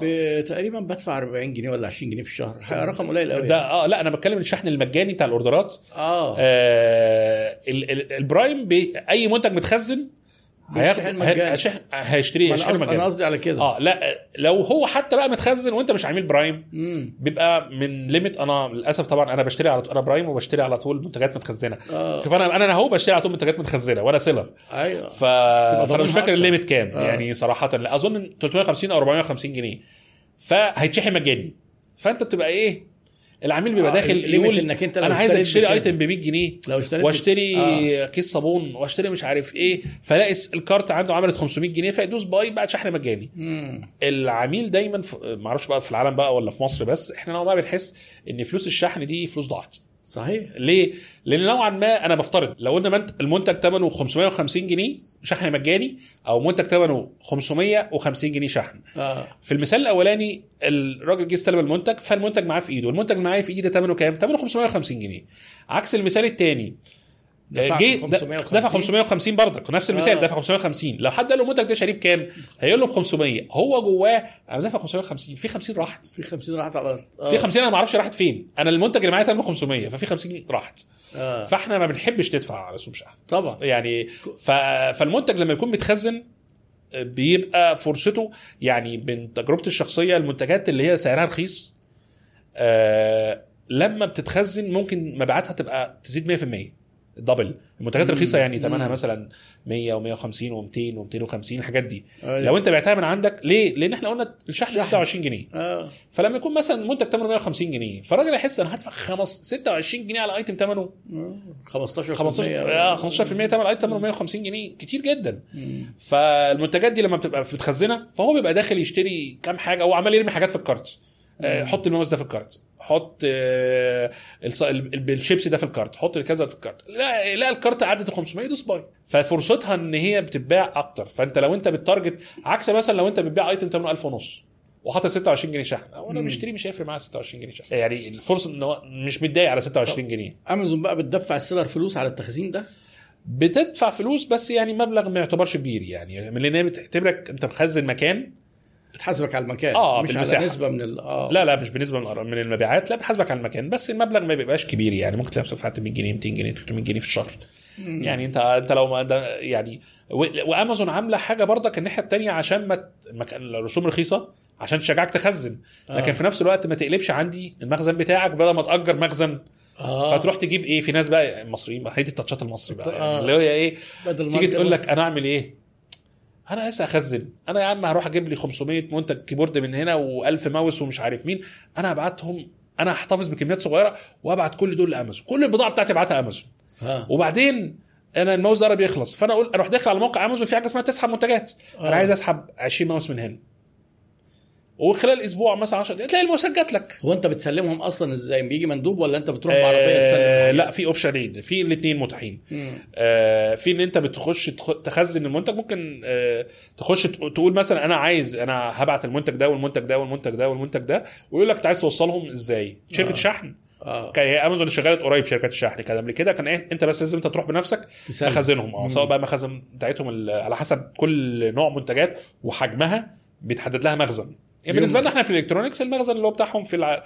في العاشر من رمضان هم ونون هم الاثنين. جنب بعض في العاشر من هم رمضان ليهم مخازن كتير في القاهرة ما هو في بقى ما هي كل يعني هم عندهم كذا مخزن وفي. مخزن ضخم أمازون بتعمله على طريق السويس هنا جنبنا يعني. فهي بس لسه ما اشتغلش يعني ولسه مش عارفين ده هيبقى مخزن يعني هل ده بدل بتاع العاشر ولا مخزن extra فهي امازون بت invest بس لسه من ف... رمضان برضه آه. بعيد شوية على بتوع على ال sellers آه، يعني أصل أنت بتروح أنت راح تسلم بضاعة بضاعة ف- فاللي هو إيه. يعني نقلة آه. يعني آه. تجيب عربية نص نقل بقى راح بعربيتك على حسب.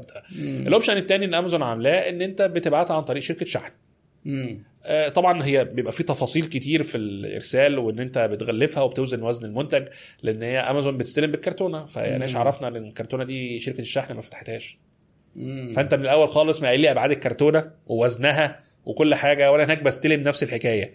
بحيث لو جيت قلت لا أنا بعت لكم الكرتونة دي فيها آه، 20 كذا. شاحن وأنتوا قايلين إن أنتوا استلمتوا 15 فهم هيعرفوا منين؟ يتأكد بقى منين؟ يتأكد بقى من الوزن. وزنها وأبعادها. لا يا باشا الكرتونة دي مش وزنها ده غير وزن ده.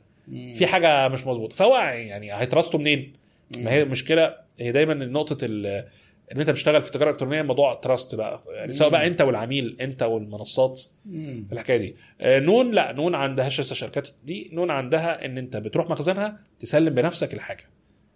آه، وده طبعا أنا أنا بعتبر ده أجمل طريقة إن أنت رايح بنفسك بتنزل المنتج بنفسك هم هناك بيستلموه منك فأنت إيه عارف كله شايف يعني مم. تحس إن شوية إن أنت إيه رايح تسلم وشركة الشحن يا ترى هتعمل إيه مم. فإحنا ممكن آه اللي إحنا كنا بنتكلم فيها اللي هي إن أنت تخزن تستخدم أمازون كمخزن كمخزن. أو كنون نون برضك يعني فتحت كان عندها مخزن في أكتوبر وفتحت مخزن في ال- العاشر رمضان جنب أمازون على طول إزاي بقى بيتجنبوا ان الناس. إيه تخزن تخزن عندهم بدل كل- ما يأجروا مخزن آه بدل ما يأجروا مخزن فلأن الإيجارات غالية فتقول لك يا. عم أنا اخزن ف وبالعكس أنت بقى مخزن عند أمازون عندهم firing system البضاعة متأمن عليها لو حصل لا قدر الله حاجة آه. يعني عارف لا- اللي هو دلع يعني فانا دلع آه. أنت عندك عمرك ما تجيب لها firing أنت مش هتجيب طفاية أصلا أيوه وتحطها عندك بالنسبة لل scale الصغير يعني مم. فقال لك إيه إحنا هنحط لك score أمازون عندها موضوع score جودة. جودة المنتجات. انت هي تيجي تقول لك انت حاطط عندي 2000 منتج والمنتجات بتطلب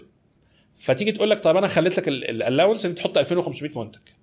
آه. طب المنتجات ما بتطلبش يبقى. الجودة تنزلها لك يخلي لك 1500 منتج يقلل لك يقلل لك ال score. آه. بحيث تحط عندي المنتج اللي بيتحرك. أيوه. ما تستخدمنيش كمخزن. بيراقبوا دوران المخزون وعلى قد ما بتدور تحط. زي أنت شاطر بتدور منتج افتح لك أحط لك حط أكتر. آه. لأن أنت تاجر بتج... بتحرك البضاعه أسرع. وما بتحركهمش وتسحبهم ب... يبقى أنت إيه بتستخدمني كمان كمخزن. يبقى أنا هفضل أقلل لك ال limit أقلل لك ال limit أقلل لك ال limit وفي في- البداية البد- بيبقى ال limit قليل؟ هو هو من ساعة ما طبقوا الموضوع ده كان limit عندي كبير يعني فأنا بصراحة مش آه، عارف ما أنت آه يعني على أساس أنت seller قديم هي الفكرة إن فعلا في بعض الحاجات هي عارف أنت دخلتها امازون كنت معديها لما عملوا موضوع إن ال limit إنك تخزن ده كانوا مدين لك كان ال score آه قالت ال score موجود وأنا عندي آه، limit limit. حلو فاللي هو فهل لكن هو المنطقي طبعا إن هو يكون حاطط لك limit قليل بس هو في. الغالب امازون هتحط لك limit مقبول يعني مش. آه. مش هخليه صغير قوي لأن هي هي امازون برضك نوعا ما بتفترض برضك حسن النية يعني يعني مم.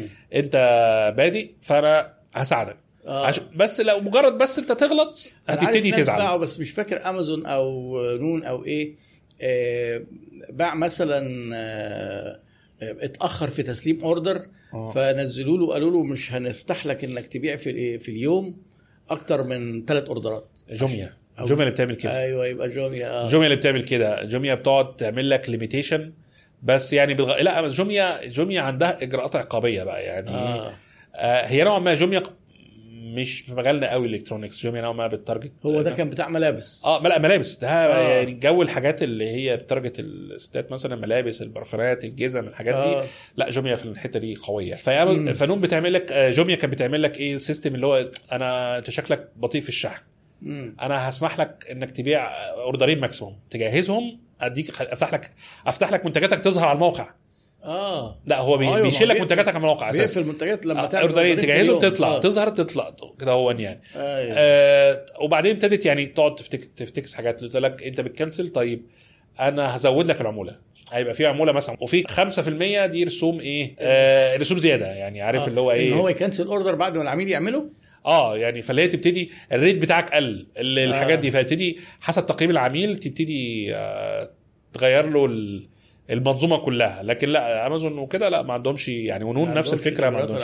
هي أصلا من ضمن الحاجات اللي هي ناس ما إحنا جبنا سيرة العملات ما جبناش. سيرة أمازون ونون هي أمازون آه. ونون. يعني ساعات بيبقى بيبتدي مثلا يقولوا لك إيه يشجعوك تخزن آه. يعني في فترة من الفترات أمازون كانت في ال keyboard ات تيجي تقول لك إيه. ال keyboard ده عمولته 13% لو انت بتبيعه من عندك لكن لو انت خزنته عندي أربعة يا فرق كبير جدا فأنا طبعا إيه لا أنا خزن ال keyboard ات دي أروح تخزن أخزن عندهم. على طول بيشجعوك ليه تخزن اشمعنى ال keyboard يعني بيبقى لا هو بيبقى؟ عامل هو بيبقى عامل حسابات معينة وعارف آه. إن حاجات معينة هو طبعا مش شرط keyboard أنا بتكلم آه، كمثال كمثال أو بس هو كان حصل معايا في الكيبوردات والماوسات مثلا مم. لكن هو بيحصل ساعات إن هو إيه هو عايز المنتجات دي هو بيكون مجهز يمكن مجهز عنده campaign معينة عايز يعملها فعايز. يكون عنده كمية. كمية من الاتجاه ده بيبقى ساعات دي تبقى حاجة أكبر من إن إحنا يعني مم، مم. ممكن تكون مستوى. strategic آه. آه، نون عندها أصلا دي بشكل أساسي. مم. يعني دايما نون عندها النقطة دي. آه، امازون امازون بتعمل لك big offer اللي هو إيه؟ 13 4 عارف؟ ده ده كده اللي هو إيه؟ wow offer مفيهاش كلام. ما فيش أنت لازم تروح هناك. مم. نون عاملاها بشكل دائم صغيرة. بمعنى المنتج ده 10% عمولته لو جيته 8 عندي 8 لو 6% عندي 4 تقريبا بتشيل 2% واحد أو 2 مم. كانت واحد قبل كده بس دلوقتي خلوها 2 آه في بعض الحاجات برضك مش لكن هي بشكل أساسي هتخزن عمولها عمولتك هتقل. 1 أو 2% مم. من غير آه، بحيث تشجعك على طول إيه؟ تخزن. ليه ليه بيشجعوك تخزن؟ زي ما قلنا تفاصيل كتير اللي هي زي ما قلنا عشان يريح العميل حاجات- ويسرع ويسرع الشحن بتاعه وياكل من من وياكل من. المنافس. آه بالظبط. ليه؟ و- لما أنا هتيجي أنت تحط بضاعتك عندك فأنت ستوكك ده هتبيعه على أمازون وعلى نون وعلى جوميا. وعلى بيتك. الكلام ده. لكن لو أنا جيت للستوك ده حاططه عندي فالمنافس بتاعك بتاعي مش هيقدر يبيع منه. آه. اللي order ك order ده أنا ضمنت إن الكمية دي مش معروضة في موقع منافسي المنافس بتاعي. فهي في عندهم مليون سبب بيخليك يشجعك إن أنت تخزن تخزن عنده. آه طيب البديل التاني إحنا قلنا ثلاث بدائل يتخزن عنده يت تشحن عن تشحن من. عندك ودي زي ما إحنا لسه كنا بنتكلم فيها إن انت. بتشحن من عندك دي ميزتها إن انت دي مناسبة للناس آه، اللي عندها stock صغير أو المنتجات اللي عندك stock صغير انت. منتج عندك منه ستوك حلو 20 حتة 50 حتة حط 10 في أمازون حط 10 في نون. وحط 10 عندك بحيث تشغلهم في موقعك بقى. آه بتبيع على آه موقع بتبيع على الفيسبوك بتبيع في أي مكان عندك 10 حتت. فده مم. ده المثال الأول. لكن أنت مثلا ايتم عندك منه خمس حتت بس. مم. هتحط تعمل إيه؟ هتبيعه عندك. هتحطه مم. عندك تقدر تح- تفتحه في كل المواقع. ده الميزة. العيب بقى إن أنت هنا بقيت آه إن أنت زي المزايا اللي إحنا قلناهم بقى آه. عكس بقى الحاجات. بقيت أبطأ في الشحن. آه. آه trust بتاع العميل قل. أيوه. فهي انت الناحية الثانية عكسنا الايه الحاجات دي. لكن عندك برضك ميزة إن يعني لو امازون زعلت منك مش هتبلوك بضاعتك اللي عندها. بضاعتك. عندك. بضاعتك عندك. بضاعتك عندك. يعني ال option الثالث زي ما قلنا إن أنت تشحن بنفسك. دي امازون بس. اللي عاملة كده. مش عاملة كده. آه دي آه وقتها أنت بتشحن بنفسك بتبقى عارف العميل وعنوانه وكده ولا؟ آه شركة شحن. يعني آه يعني يعني بيفتحوا لك بيانات العميل لأن آه. دي كان أعتقد زمان مش متاحة. آه لا يعني ده ساعتها ده- أنت بتشحن بواسطة شركة الشحن بتاعتك فأنت لازم يكون عندك داتا بتاعت بتاعت العميل العميل آه, آه فعلا ما كانتش متاحة أيام سوق أيوة. ومش متاحة في نون إن أنت تعرف تفاصيل عن العميل.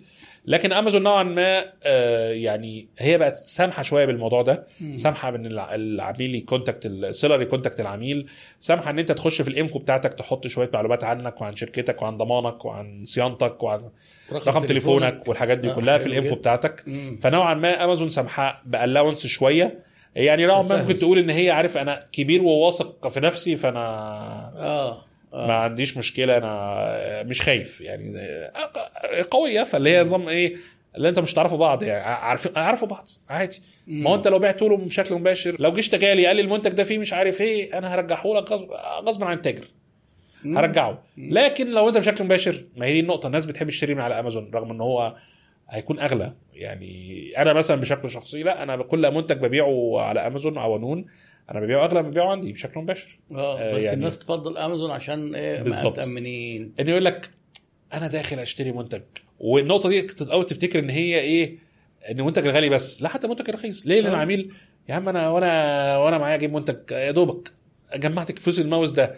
آه خليني في الأمان. اشتري من على أمازون ما عجبنيش رجعه. وما عجبنيش هرجعه. يعني آه، والناحية الثانية والمنتج الغالي يقول لك أنا هدفع فلوس كتير. يبقى أنا لازم أبقى إيه؟ متأمن. متأمن. فاللي هو إيه؟ فكده أو كده هم مديهم التراست الامان ما هو خاصة إن برضك يعني للأسف في ناس كتير بتشتغل في السوق برضك آه يعني ودي كانت بيبقى دايما نقطة خلاف مع حضرتك دايما في ده اللي هو بدل آه. اللي هي إيه؟ اللي هو المرتجعات والحاجات دي. أيوه. لكن برضك في ناس كتير في السوق يعني بيبقى العميل انت بقى مش مش العميل بيتلكك يا عم انت بعت له منتج غلط. لا لا إحنا بعت يا عم في إيه يا عم؟ ما هو ده حق العميل برضك. ما هو حتى لو كان العميل يعني دا- دايما أنا بقول للناس قاعدة حتى في ساعات بيستغربوها وبيزعلوا إن التساهل في المرتجعات مش بيزود المرتجعات قد ما بيزود المبيعات. ما هو اللي انت بتقوله إيه أنا ليه اشتري من امازون ما الكلمة دي ما دام أنا بفضل امازون أكيد امازون هتبيع أكتر آه وانت كمان قلت ده بالظبط. يشكل حجم كبير من من مبيعاتي من الشركات آه. الثانية. يعني أو الاونلاين بدأ دلوقتي الشركات الكبيرة بالذات الناس تطمن لها عن ما تروح تشتري ممكن إيه من شركة ممكن اونلاين مش معروفة أو حتى من محل. لأن هو بيقول لك إيه بترجع ما بيسألكش ليه وايه المشكلة ولا آه بس هو من الناحية الثانية آه. يعني مثلا نون ساعة ما بدأت في مصر كانت بادية إيه اللي هي عايزة تجيب الزبائن. إح- التجار. آه. إحنا كتجار بتوع أمازون. آه. فقالت لنا إيه بصوا لما المنتج يرجع من عند العميل مفتوح هنعوضكم. فإحنا بصراحة حبينا نون. آه. كنا إن إحنا العميل يفتح المنتج ويستخدمه يومين ثلاثة ويعوز يرجعه فتلاقي نون تديها تدينا إيه 30% 40% بعد شوية كده نون لقت الموضوع ده كبير قوي 40% زائد إنك تاخد المنتج. آه. فاحنا إحنا هنبيعه على مستعمل أساس هتبيعه آه على ما- مستعمل. صندوق فبعد كده. إيه آه. فبعد كده بعد شوية نون قالت لا المرتجعات في السوق المصري كبيرة قوي آه اللي هي إيه؟ نستحمل. آه كبيرة آه. فما قدروش إيه يستحملوا فابتدوا يقللوها. اللي هو إيه طب هنديكوا 30 هنديكوا 20 آه، بص خد 10 دول ومشي حالك بيهم بقى. عارف اللي هو إيه؟ ابتدى. قصقصت ال- آه، التعويضات بشكل كبير جدا يعني. آه،. امازون سياستها واضحة مفيش حاجة اسمها تعويضات. يعني آه. امازون السياسة بتاعتها واضحة. إحنا شركاء. حتى لو العميل أتلف المنتج مكتوبة. أيوه. آه، إن أنت لو العميل جاب المنتج أتلفه بوظ المنتج وعمل له مرتجع عليك أنت كسيلر. ما أنا ما أنا الحاجة الوحيدة اللي أنا هحميك منها لو المنتج اتسرق. آه. آه المنتج اتسرق لا أمازون هتعوضك. طيب من تعاملك بقى مع أمازون وكان السنين اللي يمكن ما أنت من ساعة ما أمازون دخلت آه آه. نسبة كبيرة ثلاث سنين بالظبط يعني. ثلاث سنين. نسبة كبيرة إن حصلت إن عملاء استخدموا الحاجة وأتلفوها وحم... ورجع ورجعت رجعت لك حاجة وما تعوضتش؟ بتختلف ما تع... وما تعوضتش لا ما هي ما هي أمازون أنت. لو حاجة باظت هترجعها لك ومش هعوضك آه لا امازون أمازون كده كده. لا أمازون ما بتعوضش يعني طيب. إيه؟ نسبتها قد إيه؟ عندك بالارقام ولا في لا ذهنك؟ ما فيش أرقام أو في ذهني لكن هو كبيرة يعني طيب يعني نسبة كبيرة؟ هي مش كنسبة مئوية لعدد آه. ال orderات لا مش كبيرة. آه. يعني ممكن آه، يعني إيه 5% أقل من 5% آه، هي المشكلة بس لما بتحصل أقل من 5% كل ال orderات. المرتجعات ولا لا، ولا من- المرتجعات اللي هي بتكلم- باظت؟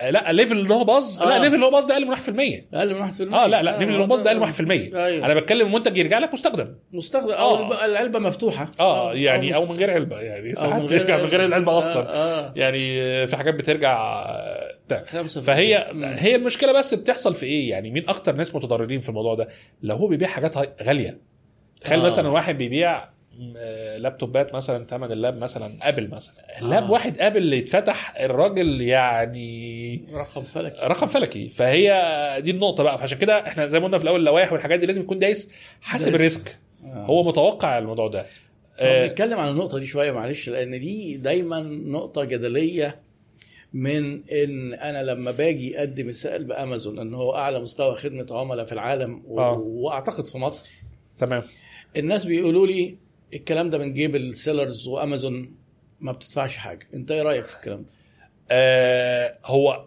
من ده على دي يعني للأمانة يعني أنا خلينا نتكلم بشكل موضوعي آه، علشان في س- أنا في أنا حاجتين. نفسي ما بح... ما بهتمش قوي أرد على كلام انت آه. عارف أنا برد رد بس يمكن يزعلك شوية يعني هو رد سخيف بالنسبة. أيوة. للباقي ما تبيعش يا سيدي على أمازون انت عايز تروح. تبيع على أمازون اللي هي أكبر بياع أونلاين في العالم آه. ومش عايز تلتزم بشروطهم هم متميزين بحاجة معينة ما. تبيعش روح انت خليك في. البكابورت لوحدك وشوف هتبيع إزاي وبيع براحتك بالظبط كده ما إحنا في أمازون ما هو إحنا بالظبط ما إحنا أيوة. إيه هو في لكن أنا. الرد ده مش دلوقتي أنا عايز أخ... أحط رد تاني أنا عايز أتكلم بأرقام وإحصائيات وفعلا إيه الوضع مين بيشيل إيه إحنا في فعلا في ظلم في في حاجتين دلوقتي آه. إن هو في خطأ حصل من السيلر أيوه لا هنا يعني هنا أمازون مش يعني بت يعني هتدلع العميل على حساب السيلر يعني يعني ماشي آه فهو في حكايه إن يعني الح- بص. هو آه. بشكل عام آه أمازون آه بتبقشش من حساب يعني ممكن المقولة بتاعت أمازون بتبقشش من حساب السيلرات صحيحة إلا في حالة واحدة بس إن أيوة. الأيتم آه اتسرق لو أيتم أيوة. اتسرق أمازون بتدفع معاه ال- النهارده كان في حد كاتب تعليق إن هو باع موبايل وبعدين اللي اشتراه طلب يرجعه وقام حاطط آه، معرفش طوبة ولا زلطة و- وقام مرجع البتاع. فبيقول لي بقى إيه نعمل إيه بقى مع العملاء اللي بيعملوا حاجة زي دي؟ يعني حسب ما أنا فهمت إن هو بيبقى فيه نوع من الطريقة من التعويض أو حاجة زي آه كده. هي امازون موضحه الموضوع ده. زي آه. ما كنا قلنا قلنا امازون قالت إيه عايز تبيع موبايلات؟ وتبقى تحت حمايتنا من ال case. نفترض طبعا ال case إن هو الأص... القصة سليمة. يعني مش هنفترض آه. إن حد بي إنها مش صحيحة. إن هو آه. فعلا عميل عمل معاه كده أو ساعتها ده بقاش عميل طبعا. آه. آه لكن أمازون هي أمازون موضحة. عايز تبيع موبايلات وتبقى أنت تحت حماية ال seller protection يبقى لازم الموبايل يطلع من مخزني. فأنت مم. لو بعته لو هو فعلا باعه من مخزنه ففعلا أمازون مش بتعوضه. وللاسف الحرامية عارفين كده. امم فلان هو لما هيجي يشتري منتج من مخزن أمازون ويقول لك ما جاليش كذا أمازون مسجله مصورة بالفيديو ومصوره مم. كل حاجة فالإدعاء بتاعه مش هيبقى مظبوط. فبيطلب من المنتج اللي مش متخزن في أمازون بيستنى تاجر يكون مش عارف اللوائح عشان كده إحنا نرجع نفس النقطة دايما بنلف نلف ونرجع لها. لازم يكون تعرف عارف اللوائح. تامن نفسك. عشان تأمن نفسك لأن أنت لو مش عارف اللوائح أنت ممكن بقى زي تحصل. معاك كده. آه تقعد مثلا تكسب شهر ويجي واحد ياخد منك موبايل ثمنه دلوقتي الموبايلات بقت غالية جدا 20000 و30000 و50000 لو أنت رحت. و60 بقى و70 لو رحت الأبل بقى والأرقام آه. الكبيرة دي. فلازم تكون عارف اللوائح عشان تأمن نفسك يعني. يعني إيه ال- المواقف اللي ممكن البياع فيها يتعرض لخسارة بسبب إن أمازون عايزة ترضي العميل؟ آه إيه أمثلتها يعني؟ هي أمازون عادة يعني في بعض الحاجات ممكن مش في أمازون مثلا في بعض الحاجات آه، ممكن تحصل مثلا في نون مثلا. في نون كان هي نون عندها مثلا concept غريب شوية في موضوع الضمان. انت مثلا لو انت بتبيع المنتج امازون نون بتخليك تحط option تقول المنتج ده معاه ضمان ولا مش معاه ضمان ودي ميزة عن امازون ميزة يعني منتجات في نون تلاقي آه، الضمان واضح. فده انت لو مثلا جبت منتج من وكيل فمعاه ضمان جه واحد جاب منتج آه، gray market مم. وجاي آه. من غير من بره فبيبيع أرخص منك. بس لكن من غير ضمان. مم. في أمازون أنت ما فيش طريقة تعرف بيها. المنتج ده معاه ضمان ولا مش معاه ضمان. عكس نون. نون لا بتقول لك اكتب آه، في option كده بتختاره إن هو ضمان سنة ضمان سنتين الحاجات دي. مشكلة نون الأساسية بقى إن هي بتخليك أنت الضمان. بمعنى لو العميل ده. بعد سنة حصل له حاجة بتروح للعميل تاخد منه المنتج وترجعه لك أنت. طب أنا مش أنا الضمان أنا مال أنا؟ لو أنت ما ردتش خلال كذا يوم نون هتروح عاملة لك إرجاع واخده منك فلوسه ورجعها لل طب أنا لبست المنتج طب أنا مالي بس هو الضمان مش بيبقى معناه إنه إرجاع الضمان ده معناه صيانة صيانة أنت. لو خلال مثلا 3 4 أيام ما ردتش على موضوع الصيانة آه نون بتعمل عملية الإرجاع على طول آه. فأنت يعني. تبقى أنت تبقى أنت جهة الضمان اللي هو يعني المنتج مثلا معاه ضمان ثلاث سنين هل أنا أقعد ثلاث سنين أنا المسؤول عنه أنا مالي فده بيخلينا إحنا كسيلرات نعمل إيه؟ نكتب بدون ضمان. نريح نفسنا. يعني, آه يعني علشان تأمن نفسك. آه وهو العميل لما يجي له هيلاقي معاه إن هو ضمان الوكيل يعني. ده مثلا من ضمن الأمثلة. طب في في الحالات دي بيعمل إيه بقى؟ بي- بيروح بيرجع للوكيل. أنا كتاجر؟ هو لا بقى المشتري. العميل بقى ما هيجي له مع- معاه ضمان. يروح بقى أيوة. منه للوكيل بقى. آه. مش منه ليا أنا. مم. يعني نون عايزة تحط ميزة بس للأسف حطها. يعني هي ميزة بشكل ظالم. هو الضمان مش معناه مرتجع بقيمة البضاعة لا مش معناها سنين. إن السيلر هو المسؤول. ضمان. لا هو ممكن أنا أشترط يعني في من ضمن قواعد خدمة العملاء بعض الشركات أها. ما بتعرضش العميل بتاعها إنه يتعامل مع المورد اللي هي شارية منه. آه. بتقول أنا آه، أنت شاري مني الضمان معايا. وهي أنا- بتاخد الحاجة هي بقى اللي تتعامل بالظبط. أنا مع بعمل كده الوكيل. عندي. أنا بالنسبة بعمل كده عندي. آه ده أفضل العملاء أنا مثلا في العملاء بتوعي مثلا أنا بديهم مثلا إيه المنتج ده معاه ضمان سنتين. أنا بعمل آه. معاه بشكل ده بشكل جزئي. آه. لو لا قدر الله حصل حاجة في- للمنتج بعد طبعا أول شهر ده بيبقى حماية المستهلك. القانون بتاع حماية المستهلك اللي هو 30 يوم الارجاع مش أيوة. 14 نصف آه. حماية 14 المستهلك. بدون اسباب آه. و30 لو في عيب. آه. آه، لكن 30 90 أنا بقى أول ثلاث شهور أنا بقى لو اللي حصل للمنتج حاجة تعالى لي أنا أروح مكانك للضمان. أيوه. بحيث إيه أنت لسه شاري منتج جديد. آه. بيحصل فيه مشكلة أروح لابس ضمان ومش ضمان لا يا عم أنا هروح لك للضمان. بعد كده لا أنت بقى تروح للضمان بنفسك. فأنا نوعا ما اعملها لهم جزئي بحيث آه. العميل لسه جديد لسه شاري منتج. طب أنت بعد بعد سنة ونص لا خلاص بقى انت بقى ضمان بقى يعني. لكن في الأول والله أنت عارف أنت لو قدرت تعملها آه، هتبقى ميزة. يعني قدرت تعملها إن أنت دايما لأن أنت ليك علاقة بالمورد وشاري آه. منه وفي عشم ومعاه وشغل مفتوح. لما انت تبقى تبعت له جهاز مثلا عايز يتعمل فأنت هتعرف هيهتم بيك أكتر وهتعرف تعمل إنجاز غير وفي. وهتريح العميل هو هو من ناحية تريح العميل بتريح العميل لكن في مش مش كل الموردين بيبقى ليه؟ لما بيكون شركات كبيرة قوي ما بيفرقش معاها بتتعامل فاصلة ضمان مع أوكي. يبقى على الأقل أنت استفدت إنك ريحت العميل. ودي آه، على فكرة يعني هي في النهاية دي مهمة جدا. عشان كده بنعملها حصري بس للعميل بيجي مباشر. أما العميل اللي بيجي عن طريق أمازون ولا نون فأنا بعتبره ده عميل أمازون ونون يعني. آه ما أنت لو كمان عامل عميل أمازون أنت تقريبا ما بتبقاش متواصل معاه بشكل مباشر بالظبط خالص كده. هو. إيه ب- بيتواصل معايا. هيعرف يوصل لك أصلا عشان يطلب يطالب يعني هو ممكن يتواصل معايا بشكل لما يحتاج لا قدر الله حاجة. آه. العميل بيتواصل مع السيلر عشان يطلب منه فاتورة ضريبية. علشان يروح بيها للضمان يعني. آه. فهنا هو بيتواصل معانا يعني. فهي دي دي من ضمن الحالات اللي هي آه آه، ممكن- آه، عاملها مش امازون بقى عاملها نون. في نون يعني. من طيب. الناحيه الثانية إن في عميل مثلا أمال اللي بيقولوا العملاء بيتراضوا في أمازون على حسابنا كبياعين. إيه الحالات دي أنا عايز أعرفها بالتحديد وأشوف بيخسروا فعلا في إيه. هي هي هي أشهر مثال للمرتجعات اللي هو اللي بس ما هو خد البضاعة. هي مرتجعة ومفتوحة وأنت هتبيعها بخصم. ومخصومة. بس مش خسائر فادحة وخصوصا هي نسبة قليلة إلا لو كان أنت بتبيع بقى حاجة بايظة كل شوية آه ترجع ترجع ترجع آه يعني. يعني ده حالة تانية لكن هي ما هي الفكرة ده بنفسه ما هي دي اللي بيعتبرها بشكل أساسي أنت هنا دلعت ال... يعني مش دلعت هو طبعا يعني لكن الفكرة في إيه؟ ما أنت شريك برضو أيوة، ما هي- شريك في هذا الدلع والمفروض تبقى متحمس ليه لأن يعني- هو هي دي الثقافة بقى اللي في مشكلة آه، إن. إن التاجر مش عايز مش متعود يرضي العملاء إيه؟ ويدلعه إن هنا آه. امازون طب ماشي ما هي شريكي ما هي ما هي طب ما تدفع معايا في الدلع ده يعني يعني عارف اشمعنى الدلع ده أنا أنا يعني ما أنت بتقول لي بتعوضكم ب 10% لا ده ده كان نون هي اللي كانت بتعوضنا 10 نون، أمازون آه. ما بتعوضكش أمازون حتى لو عميل خالص. قتله في المنتج قتل هي كده كان آه. يحق العميل لو حتى لو العميل جاب المنتج آه، رمى علبته في الزبالة مرجعه لك من غير علبة وبوظ الزرار وكل حاجة أنت ال- هي طيب. أمازون ما بت- طب بتعملش حصل معايا موقف غير السرقة أنا عميل أمازون من يمكن من زمان قوي يعني يمكن 13 14 سنة. ومن قبل ما يجوا مصر وأنا بشتري من امازون أمريكا وبتيجي. بالظبط. وميزة كمان امازون لما بتشتري منهم مباشرة بتشتري الحاجة بشحنها بجماركها بكل حاجة فما آه. بتحملش هم التعامل مع مع أي جهات آه، حصل موقف اشتريت هنا من هنا حاجة صغيرة حاجة بتاع 300 جنيه كده stand للمايك.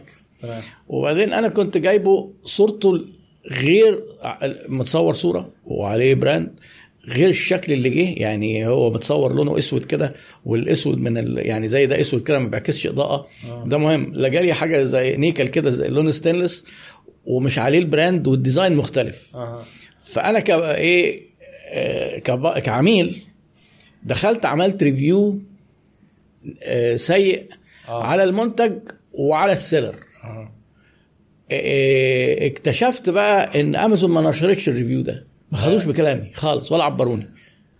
هو النقطة ال seller هنا امازون ولا ال seller مين؟ لا كان حد على امازون هو أصل لو ال seller امازون ما- مش هتنشر review يعني لكن والله.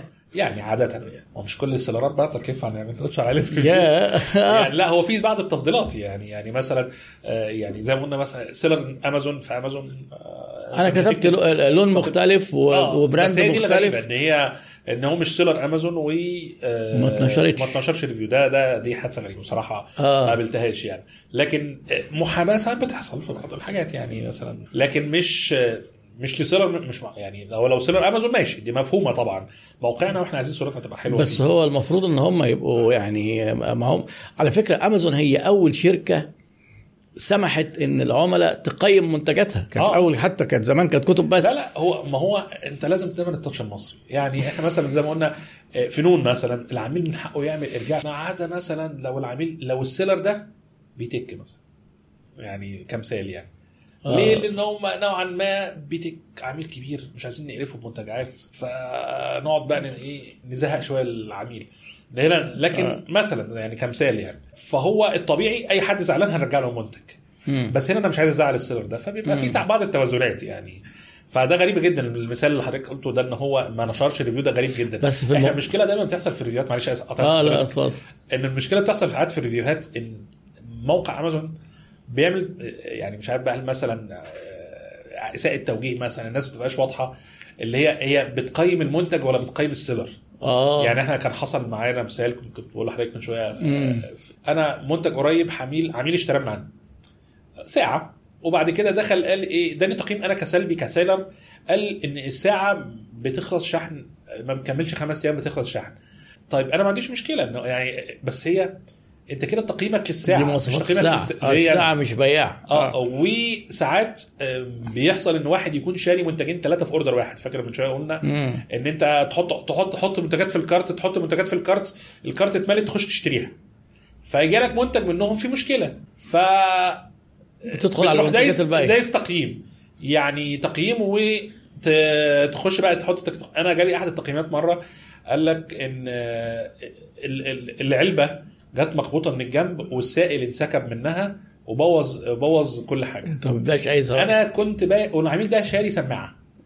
فأنا مش قادر أفهم يعني. إيه السائل اللي بتسمعها يعني حاجة تانية. آه بالظبط. لأن هو هو ظاهر له المنتجات كلها وأضف آه. تقييم فهو تقريبا ممكن يكون داس على آخر واحد أضف تقييم فاكرهم إن هم كلهم واحد. فهي دي لا وفي ناس ما بتبقاش فاهمة الخمس نجوم يقول لك إيه حاجة منتج ممتاز ويقوم يديك نجمة. ما هو أو سيء جدا. ويديك خمس نجوم هي على فكرة ساعات ممكن تحصل معانا إحنا حتى في اوبر آه. آه. وكريم والحاجات دي لأن ما فيش موقع موضح لك هو أنت بتعد من اليمين على الشمال أيوة. بتعمل الستار من اليمين. في آخر حاجة في الشمال دي تبقى هي الخمس نجوم ولا أنت بادئ من الشمال في آخر حاجة في اليمين تبقى الخمس نجوم فهي تلاقي صح. واحد مديك نجمة واحدة ويقول لك ممتاز حاجة ممتازة ممتاز آه، آه. طب ممتاز إيه طب أنا أو مثلا في واحد دخل آه، مديك تقييم سلبي وقال لك أنا عايز فاتورة ضريبية طب حضرتك آه، ممكن تبعت لي آه خش ابعت لنا. اللي هو إيه؟ لكن هي. المشكلة في دي إن هي امازون فير آه، بتسيب التقييمات. ما عدا طبعا لو تقييم آه، ملوش أي علاقة أو باين إن هو معمول من أجل آه، ضرب مست... ضرب ال account بتاعك. ده هنا التقييم ده بيتشال يعني بتحصل سواء في امازون أو نون. يعني أنت ما طلبتش ليه تشيل السائل اللي نازل من السماعة ده؟ بقى. آه بعتنا الشكوى لأمازون وفي حاجات تتشال. يعني آه. جت فترة كده جت شوية آه، تقييمات. يعني واحد مثلا قال لك التاجر ده بيبعت طوب مكان البلاي ستيشن. هو شاري حجارة قلم. يعني فبعتنا لامازون قلنا لهم آه، دي واضحة خالص طبعا امازون مسحت التقييم. آه. لكن في حاجات تانية يعني بيبقى هم حاسين ينفع. الكلام ده ينفع يبقى تقييم تبعك فبيسيبوها. آه، المشكلة في إيه بقى؟ إن إحنا زي ما رجعنا في الأول خالص قلنا إن ظهورك وقوتك والحاجات دي كلها معتمد على التجربة بتاعت العميل. فأنت لو. تقييماتك سلبية فأنت انت كده مش حلو ان انت تظهر مم. للعميل. آه لا ده حاجة يعني ده حاجة دي عشان كده دي حاجة مهمة جدا. والناحية الثانية لازم برضك تكون عامل حسابك إن زي ما حضرتك دايما بتقول لنا إن في خدمة العملاء اللي هي إيه؟ العميل. أنت لو بعت 20 منتج 19 مبسوطين واحد زعلان اللي زعلان هو اللي هي هيعمل تقييم. آه. لكن اللي اللي هيكتب يقول حلو برافو شكرا قليلين ده قليل جدا. ودي مشكلة لأن أنت التقييمات السلبية بتاخد نسبة مئوية من عدد التقييمات وليس من عدد الأوردرات. مم. فانت يعني فده بيبقى شيء كارثي إن هو يحصل لك إن هو تاخد تقييم سلبي. فانت بتبقى قاعد بقى اللي هو إيه تقعد مؤدب كده اللي هو إيه العميل اللي انت مضايقك أرجع لك المنتج. بس ما تدريش تقييم سلبي. يعني طب أنا حصل برضو معايا حالة تانية عشان أنا برضو بشتري من أمازون كتير. آه، ما أعرفش دي الموقف فيها كان إيه مع البيع.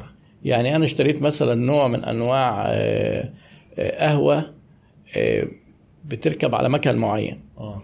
بس آه، وإحنا بنعمل الأوردر عملنا غلطة آه، طلبناها بس مش للمكنة بتاعتنا. هي نفس شبه العبوة اللي بنجيبها. بالظبط.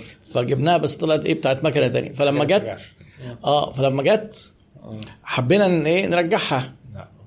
لقينا إن مفيش فيها إرجاع. آه. فأنا قمت داخل على خدمة العملاء ودخلت أعمل شات آه. ف آه، في الشات ال- الراجل كان متعاون. وقال لي المنتج ده ما بيرجعش. قلت له هو لسه ما اتفتحش خالص زي- بحالته. قال لي لا المنتج ده ما بيرجعش بس إحنا تقدر تحتفظ بيه ورجعنا لك الفلوس. تمام. هنا البياع بقى اللي هو المنتج ده خرج من عنده أو وات كان متخزن عند امازون آه. وجالي. كده هو هيبقى حصل معاه إيه؟ هو على حسب هم عملوا ال case إيه على ال system. لو هم عملوها طالما هم ما عملوهاش إرجاع فهو لا، البياع ما في. امازون لا آه. يعني هي ظهر على امازون فبيع في امازون ياخد فلوسه.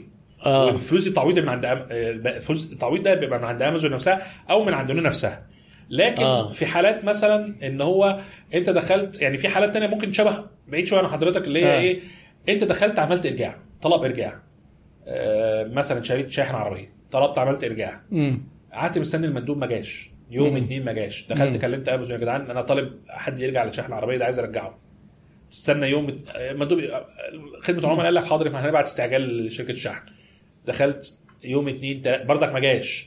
دخلت كلمت يا جدعان أنا بقالي أسبوع طالب عايز أرجع المنتج ما تخلصونا بقى. هنا ساعات الموظف بتاع امازون ممكن يقول لك طيب أنا هنزل حضرتك فلوس الأيتم وكيل آه. الأيتم.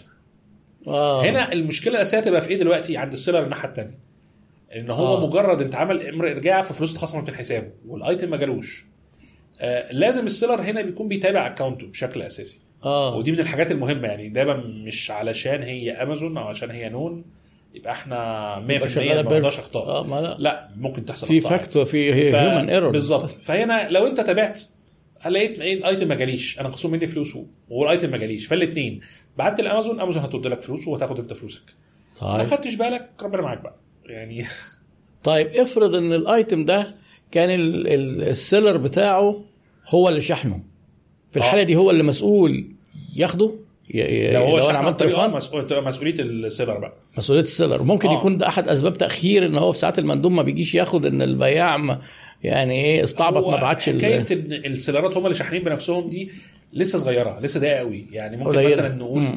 95% من orderات اللي في أمازون بتبقى شحن بواسطة أمازون. آه. سواء بقى من تخزينهم أو مش من تخزينهم. يعني حكاية إن آه، نسبة قليلة قوي إن ال- إن الشحن ده بواسطة السيلر دي. دي لسه آه، ضيقه لسه قوي قليل. ومش فاتحينها بشكل عام. بشكل آه، واسع. ليه؟ آه. لأن هم نوعا ما برضك لما يجي بيفتحها بيبتدي يبص هو تقييمه عامل إزاي مشاكله ومرتجعاته. لأن سمعته برضه. ما هو آه، أنا هو- بالنسبة لي أنا شاري من امازون بالظبط. ما هي دي النقطة. آه. زي ما قلنا كده هو لما أنت تلاقوا العلامة بتاعت امازون دي بتفيدك أنت كعميل إن أنت بتبقى أنا واخد اسم امازون أنا كني ناس فاكرة إن أنا امازون أيوة. فالناحية الثانية امازون برضك عارفة إن أنت في وشها يعني. ما هو عشان كده من ضمن طرق الكاستمر اكسبيرينس وإنك تحسنها إنك ما تسيبش عميلك لطرف ثالث هو تعامل معاه بسبب إنه تعامل معاك آه. يعني يعني مثلا إيه أنا أمازون حد بيبيع عندي العميل بتاعي البياع هيشحن له فهو إيه الشحن ده بسبب إيه إنه اتعامل مع أمازون بالظبط. فأنا لو سبته أنا مش ضامن بقى العلاقة هتبقى شكلها إيه بالظبط. يعني سمعتي هنا متأثرة على. على المحك ويعني هو البياع ده كويس والمنتج. آه. كويس لكن البياع ده علشان يقلل التكلفة على نفسه وراح اتعاقد مع شركة شحن تحت آه. السلم زي ما بيقولوا. آه. فشركة الشحن دي اتأخرت قوي على العميل. ف ما هيفوش أنا كامازون الناس هتقول لك يا عم ما تطلبش من امازون ده بقى بيشحنوا مع شركات شحن غريبة. أيوة. هو مش فاهم إن الشحن ده بيتم بواسطة السيلر. هو بالنسبة له إيه؟ أنا طالب من على امازون والمنتج بيتأخر وبعدين يوم ما جالي جالي مع مندوب غريب راكب موتوسيكل ولابس شبشب والجو ده اللي هو إيه؟ آه آه آه. يقول لك إيه يا عم؟ لأ ده امازون بقت مهزله دي مش امازون أو دي مش نون طبعا يعني صح. آه مثلا مع نون برضك بتيجي في فترات مثلا كان Black Friday مثلا عندها ضغط كبير جدا آه. فبتعين ناس مش موظفين عندها بتعين ناس بشكل مؤقت أنت أيوة. بتيجي بتروح مخازن نون تستلم لك 20 50 order في المنطقة الفلانية بتنزل بعربيتك أنت الشخصية تروح توصلهم وبتبقى زي أكنك عامل freelance freelance freelance. آه، توصيل ده عشان الضغط اللي بيحصل في Black Friday أنا مش عارف ده الكلام ده أنا شفته من سنة وشوية Black Friday مش اللي فات اللي قبله مم. أنا ما أعرفش بصراحة اللي فات وايه ده عملوا إيه لكن آه، ال concept نفسه شغال إن هو آه، حلوا ساعتها أزمة كانت عند امازون ساعتها إن امازون أيوة. ما- كان عندها تأخير في الشحن لأن مندوبها مندوبينها ما كفوش نون خلت أي حد يبقى مندوب فوصلت ال orderات أسرع. فده بحل حلو لكن. الناحية الثانية إن أنت ال- اللي جاي لك ده شخص عادي لا متدرب آه. ولا إيه. فنوعا ما عارف خدمة العملاء مش هقول لك يا فندم مش عارف إيه تحس ساعتها آه. يعني دي ميزة وعيب نون عملتها لكنها حلت لها مشكلة الشحن آه ممكن يكون ضحوا بس حل مشكلة. قال إن أنت في وقت آه. Black Friday أنت شايف offerات وعايز بسرعة المنتجات دي. توصل. آه يعني عارف اللي هو ساعات أوفر حلو قوي. يا عم المندوب ما قاليش سلام عليكم عنه ما قال لي سلام عليكم. أنا عايز أنا عارف وراح أيوة. راسبه آه. عارف.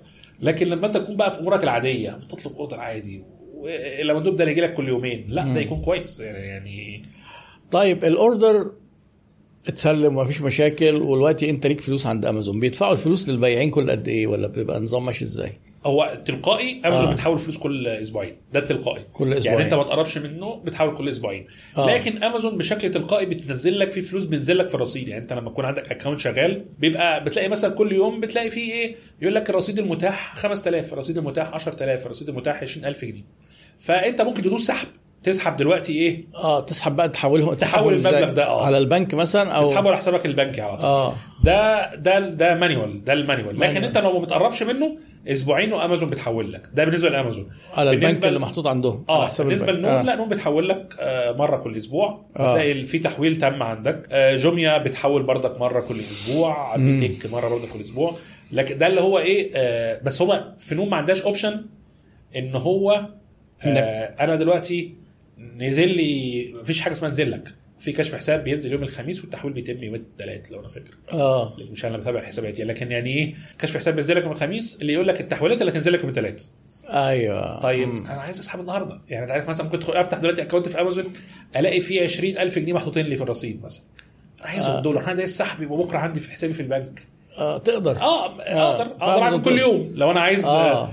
آه طبعا في وأنت لسه seller صغير بيبقى الموضوع بيبقى يعني فلوس مش بتفري أسرع لأن هو إيه آه بيبقى لسه مش عارفك. لكن آه. كل ما بتقدم شوية بيبقى بيبتدي يحرر لك الفلوس بشكل أسرع يعني. فتقدر أنا أقدر كل يوم في أمازون أخش أنا ألاقي 1000 جنيه حتى أقول لها سحب اسحب ال 1000 جنيه ده. فأنا على طول يفضل يجي لي يجي لي على طول أنت بتبقى تاجر بتبقى عايز فلوس تيجي عشان أروح أجيب تاني بضاعة. ال- الفلوس اللي أنت بتاخدها كل أسبوعين دي بتبقى فلوس ايتم اتباع إمتى؟ يعني هل في فترة الفلوس بتقعد توصيل مش مش بندنج آه، مثلا عشان فترة ال 14 يوم أو ال 30 يوم؟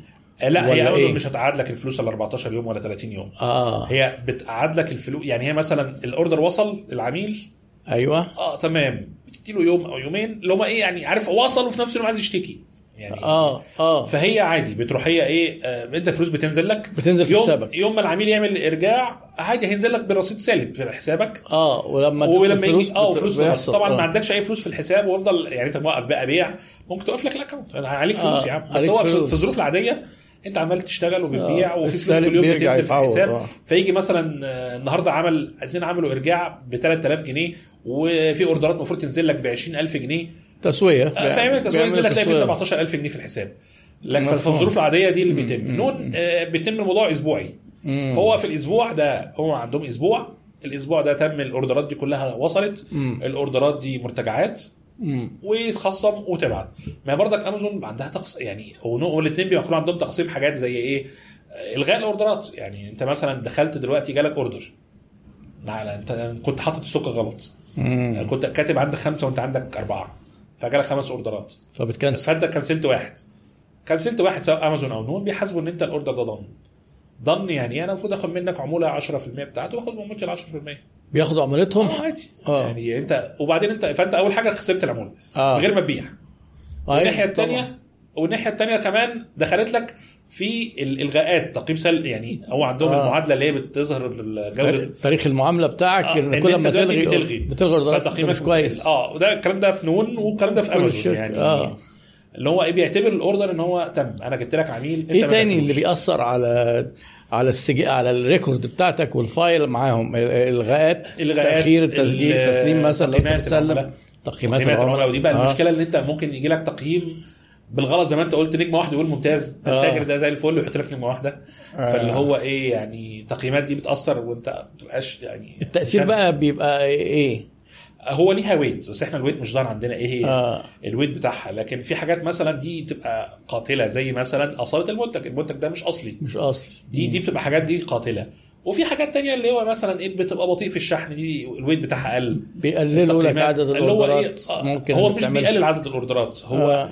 يعني هو رسمي ما قللش عدد الأوردرات هو آه. آه. نوعا ما زي ما قلنا ال weight بتاعك قل فأنت دلوقتي بقيت seller أقل في الجودة آه. فظهورك هيبقى قل لكن ما قالوش الكلام ده ما آه، بيقولوهوش ما بيقولوش ما بيعلنوش. آه. لكن هو تحس إن هو ضمنيا مفهوم إن أنا أنا عايز أظهر للعميل seller محترم. فهنا أقلل اقصقص آه. ريشه زي ما بيقولوا فالتقييمات وتأخير الشحن وت... وال... والمنتج آه، مش. أصلي آه. كارثة؟ في في حاجات تانية؟ أو منتج غلط. أنت آه، بتبعت منتج منتجات غلط. آه. يعني يعني في عندك ارجاع الارجاعات دي سبب العميل إيه؟ يقول إيه في الارجاع؟ مش نفس المنتج. مش نفس المنتج. فده آه، لو انت مثلا جالك order عميل قال مش نفس المنتج. آه. وبعدين جالك order تاني عميل قال لك ده مش نفس الم... هو نفس المنتج. آه. يعني هو نفس المنتج. كذا حد بي- بيعملوا ارجاع ويقولوا مش نفس المنتج.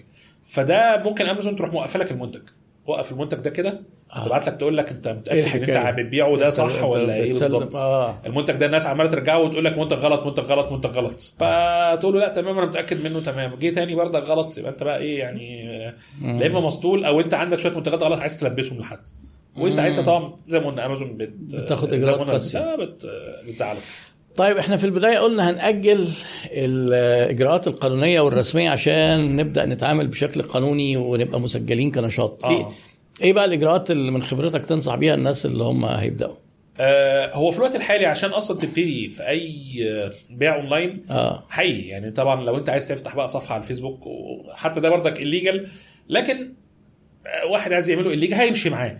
هو يفتح صفحة و من غير ما يسجل ولا أي من حاجة غير ما يسجل هو مفروض بالقانون أي جميع البوستات اللي تتكتب جميع الإعلانات اللي تتعمل في مصر يتكتب فيها آه، رقم التسجيل الضريبي. حتى لو أنت بتسمع في الراديو آخر الإعلان هيقول لك آخر إعلان في الراديو كده رقم التسجيل الضريبي 16 كذا. 616 مش عارف 2 5 3 حاجة كده هو يعني. آه. ده بالقانون. أي إعلان ينشر لازم يتكتب فيه رقم التسجيل الضريبي. لكن ممكن واحد يروح فاتح صفحة على الفيس ويعمل من غير إيه رقم تسجيل ضريبي ويعني ومحدش هيقفشني عارف هو؟ وحظه بقى. آه. لكن لما هيروح يبيع على المواقع آه. عايز يبيع في نون مش تفتح له account من غير ما تجيب لها سجل تجاري بطاقه ضريبية. آه، جوميا مش تفتح له account من غير سجل تجاري بطاقة ضريبية. ونفس الحكاية آه، ولو يعني ونفس وجوميا وكله. وبعدين بس امازون بتهيألي متساهل أكتر. امازون هي كانت من أول سوق متساهله بس في الوقت الحالي يعني إيه خلاص يعني هي مطلوب منها بل- دلوقتي إن هي لأ خلاص الموضوع ده. قانوني. ولأن اللي عايز اللي بيبيع ده يكون شركة. فأنا أصلا أنا دلوقتي آه، شركة عايزين نصدر لك فواتير ضريبية وعايزين حساباتك وحاجات. فأنت دلوقتي فرد طب أنا فواتيرك إيه؟ تعمل أنا تيجي أمازون؟ تطلب منك فاتورة ضريبية آه هتعملها آه، إزاي فاتورة ضريبية وبعدين أمازون آخر ما تيجي تخصم منك عمولات بتبعت لك فاتورة ضريبية بالعمولات مم. طب أنت شخص أنا هبعت لك فين رقم بطاقتك عشان أبعت لك على ال portal اللي عندك على بوابه مصلحه الضرايب فهي ففي الوقت الحالي أنت محتاج آه، زائد إن أنت طب أنا قلت تخيل مثلا واحد قال أنا مش عايز أي حاجة أنا هعمل موقع خاص بيا ممكن يمشي. موقع عادي بتفتح موقع مثلا زي آه. شوبيفاي وأي الحاجات اللي بتفتح المواقع دي. آه. طب أنا عايز أعمل payment online في بعض ال payment gateway تقول لك أنت شركة ولا أنت فرد. آه. فهتيجي تقول أنا فرد. ماشي. طب بحول لك الفلوس على إيه؟ على حساب الفردي. حواله 2 3 4 10 ممكن مع استمرار الشغل البنك يوقف لك حسابك البنكي أنت ليه بيجي لك حوالات كتير؟ مم. من شركات. فأنت محتاج تعمل شركة. طب نعمل إيه بقى؟ اللي عايز يعمل. يعني الشركة إيه نشاطها يسجلها فين؟ ولا دي بقى محاسب قانوني يتولى هو الموضوع محاسب ده؟ قانوني بشكل أساسي. محاسب قانوني هو اللي هيشوف يتولى. حجم النشاط وشكله وأنت هتعمله شركة سواء ده فردية ولا ذات مسؤولية ولا يشوف مشروع ولا أنت ممكن المجال اللي أنت تشتغل فيه ده ينطبق عليه قانون المشروعات الصغيرة والمتوسطة. آه، بيتحاسب as يعني بيتحاسب برقم كده. برقم fixed انت بيع من كذا لكذا هتدفع ضريبة كذا في السنة. بعت بقى كسبان خسران هو رقم. رقم مقفول. الكلام ده بس ده بيبقى نشاطات معينة ولمدة خمس سنين بس يعني مش مم. هيبقى مفتوح على طول يعني. يعني لغاية بعد خمس سنين ده بيبقى معمول فكرة المشروع الموضوع ده إن هو معمول علشان تسهيل اللي الأمور. عايز يستارت آه. وهو يعني مش هيجيب بقى حد يمسك حسابات ويعمل مش عارف مين ويسجل وي... طب أنا ما عنديش لسه أنا عايز أجرب أبتدي. فيبقى عايز ي start لكن مطالب خلال خمس سنين إن هو يكون عام ظبط اموره زي ما بيقولوا مساك دفاتر يعني. خلاص ظبط. اموره ويمشي يبتدي يتحاسب. آه فلكن طيب. دي محاسب ضريبي بشكل أساسي يعني. آه، البدائل التانية اللي أنت إيه ذكرتها كده بسرعة إن هو أنا عايز أبيع على مثلا على إنستجرام على صفحة آه. على الفيسبوك آه، أعمل website سواء بتاعي أو على شوبيفاي. هل أنت يعني مثلا لو حد بيسألك آخد آه، أعمل ورق وأروح أحاول أبيع على أمازون ولا أشتغل بنفسي؟ ولا ولا مفيش إجابة واحدة للكل؟ تحس ولا أشتغل على على صفحة ولا أعمل على Shopify يعني إمتى؟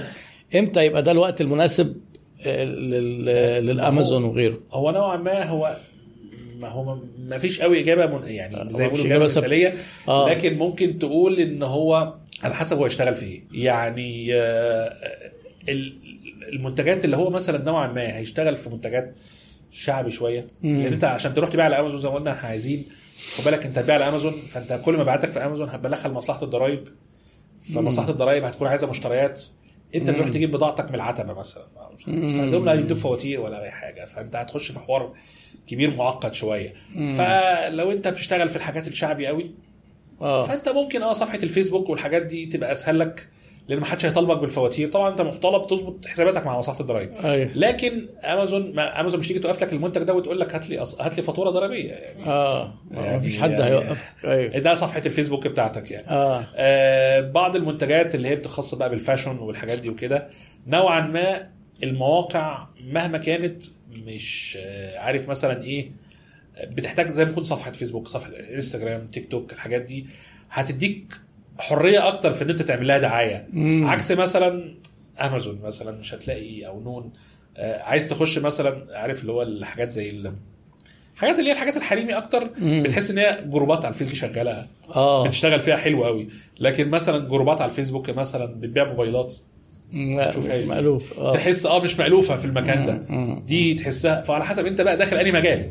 ما إحنا زي ما كنا من أصلا بنقول إحنا من اول خالص عاملين نقول امازون وساعات بنجيب سيرة نون. أيوه. بنجيب سيرة جوميا. آه ليه؟ رغم إن جوميا قوية جدا في مجالات معينة زي اللي إحنا قلنا الملابس ال- آه. جوميا أقوى من التانيين فيها الحاجات اللي هي الحريمي شوية. جوميا قوية في آه. المجال ده برفانات أو الحاجات اللي والأحذية مثلا حد. بيعمل حاجات handmade آه مش آه. عارف إيه جوميا نوعا ما بت... عايزة الناس اللي هي الشركة يعني اللي هي ال... يعني مش التاجر قوي لكن لا هي عايزة حاجات عارف واحد مثلا قاعد يعمل لمض بنفسه يعمل حاجات اللي هي ال handmade. أو هو عنده مصنع بتاع إضاءة مصنع آه. مش عارف إيه جوميا عايزة الناس دي الناس دي جوميا شغالة معاها كويس جدا فأنت أصلا من. الأول خالص أنت لازم تقرر هو أنت أو تبتدي تشوف تشوف أصلا انت أنت أصلا عارف أنت هتبيع إيه. يعني مم. أكيد هي طبعا في قاعدة أساسية ما- قلناهاش بس هي المفروض مفهومة. ان أنت لازم تكون فاهم أنت بتبيع إيه. طبعا. فأنت مثلا دلوقتي أنت فاهم في الملابس. حلو. طالما أنت فاهم آه، خش على أمازون ونون وجوميا. أنت شايف مين فيهم الأقوى؟ مم. آه، يعني طالما أنت فاهم بقى في الحاجات دي هتقدر تحدد لنفسك أنت هتبتدي أنهي بلاتفورم. مم. وممكن تكتشف لا أنا جروبات الفيسبوك بشوفها أحسن. يبقى انت تبتدي من جروبات الفيسبوك لأن انت إيه مم. يعني انت تخش انت انت عميل اعتبر نفسك دلوقتي العميل يعني مثلا آه، مش. أنا مش عايز أقول أسماء حط نفسك مكان العميل يعني أنا آه. عايز أضرب مثال بس مش عايز أقول آه، أسماء عشان حد يزعل لا. إحنا لو مثلا تيجي مثلا حد يكلمك شركة رنين مثلا آه. هي رنين مشهورة جدا في الحاجات والتقسيط والحاجات تيجي مثلا رنين تقول لك آه، أنا عايزكم تعرضوا عندي ال keyboardات مثلا عمرك شفت حد اشترى keyboard من عند رنين آه. لا. مش ماشي. لكن هي بتاعت عارف بقى الحاجات المنزلية الحاجات. في قوية جدا في الحتة دي. هم على فكرة فاتحين وكلموا كذا شركات وكلمونا وكذا ناس اللي هو تعالوا اقعدوا. أنا يعني تلاقي انت ك seller. هم هم. عاملين برضو إنك تعرض هم عايزين آه يعني عايزين يعملوا هم. أظن عملوا يعني اللي هم آه. آه. كلمونا وكلموا كذا حد بقى لنا فترة. آه بس اللي هو إيه؟ شفت حد يشتري من عندهم الحاجات دي؟ لا. فأنت دايما فكر أنت دلوقتي كعميل. يعني انت مش مش جاي تصلح للشركات هم والله أنتوا ك... أنتوا إزاي كانون جومي اقوى من آه، امازون؟ إزاي أنتوا امازون جومي احسن منكم في مجال البرفانات مثلا أو آه. أنا مالي. آه، انت دلوقتي كعميل. صح، آه، مي- لا ده فيسبوك أحسن. خلاص ابتدي انت كفيسبوك.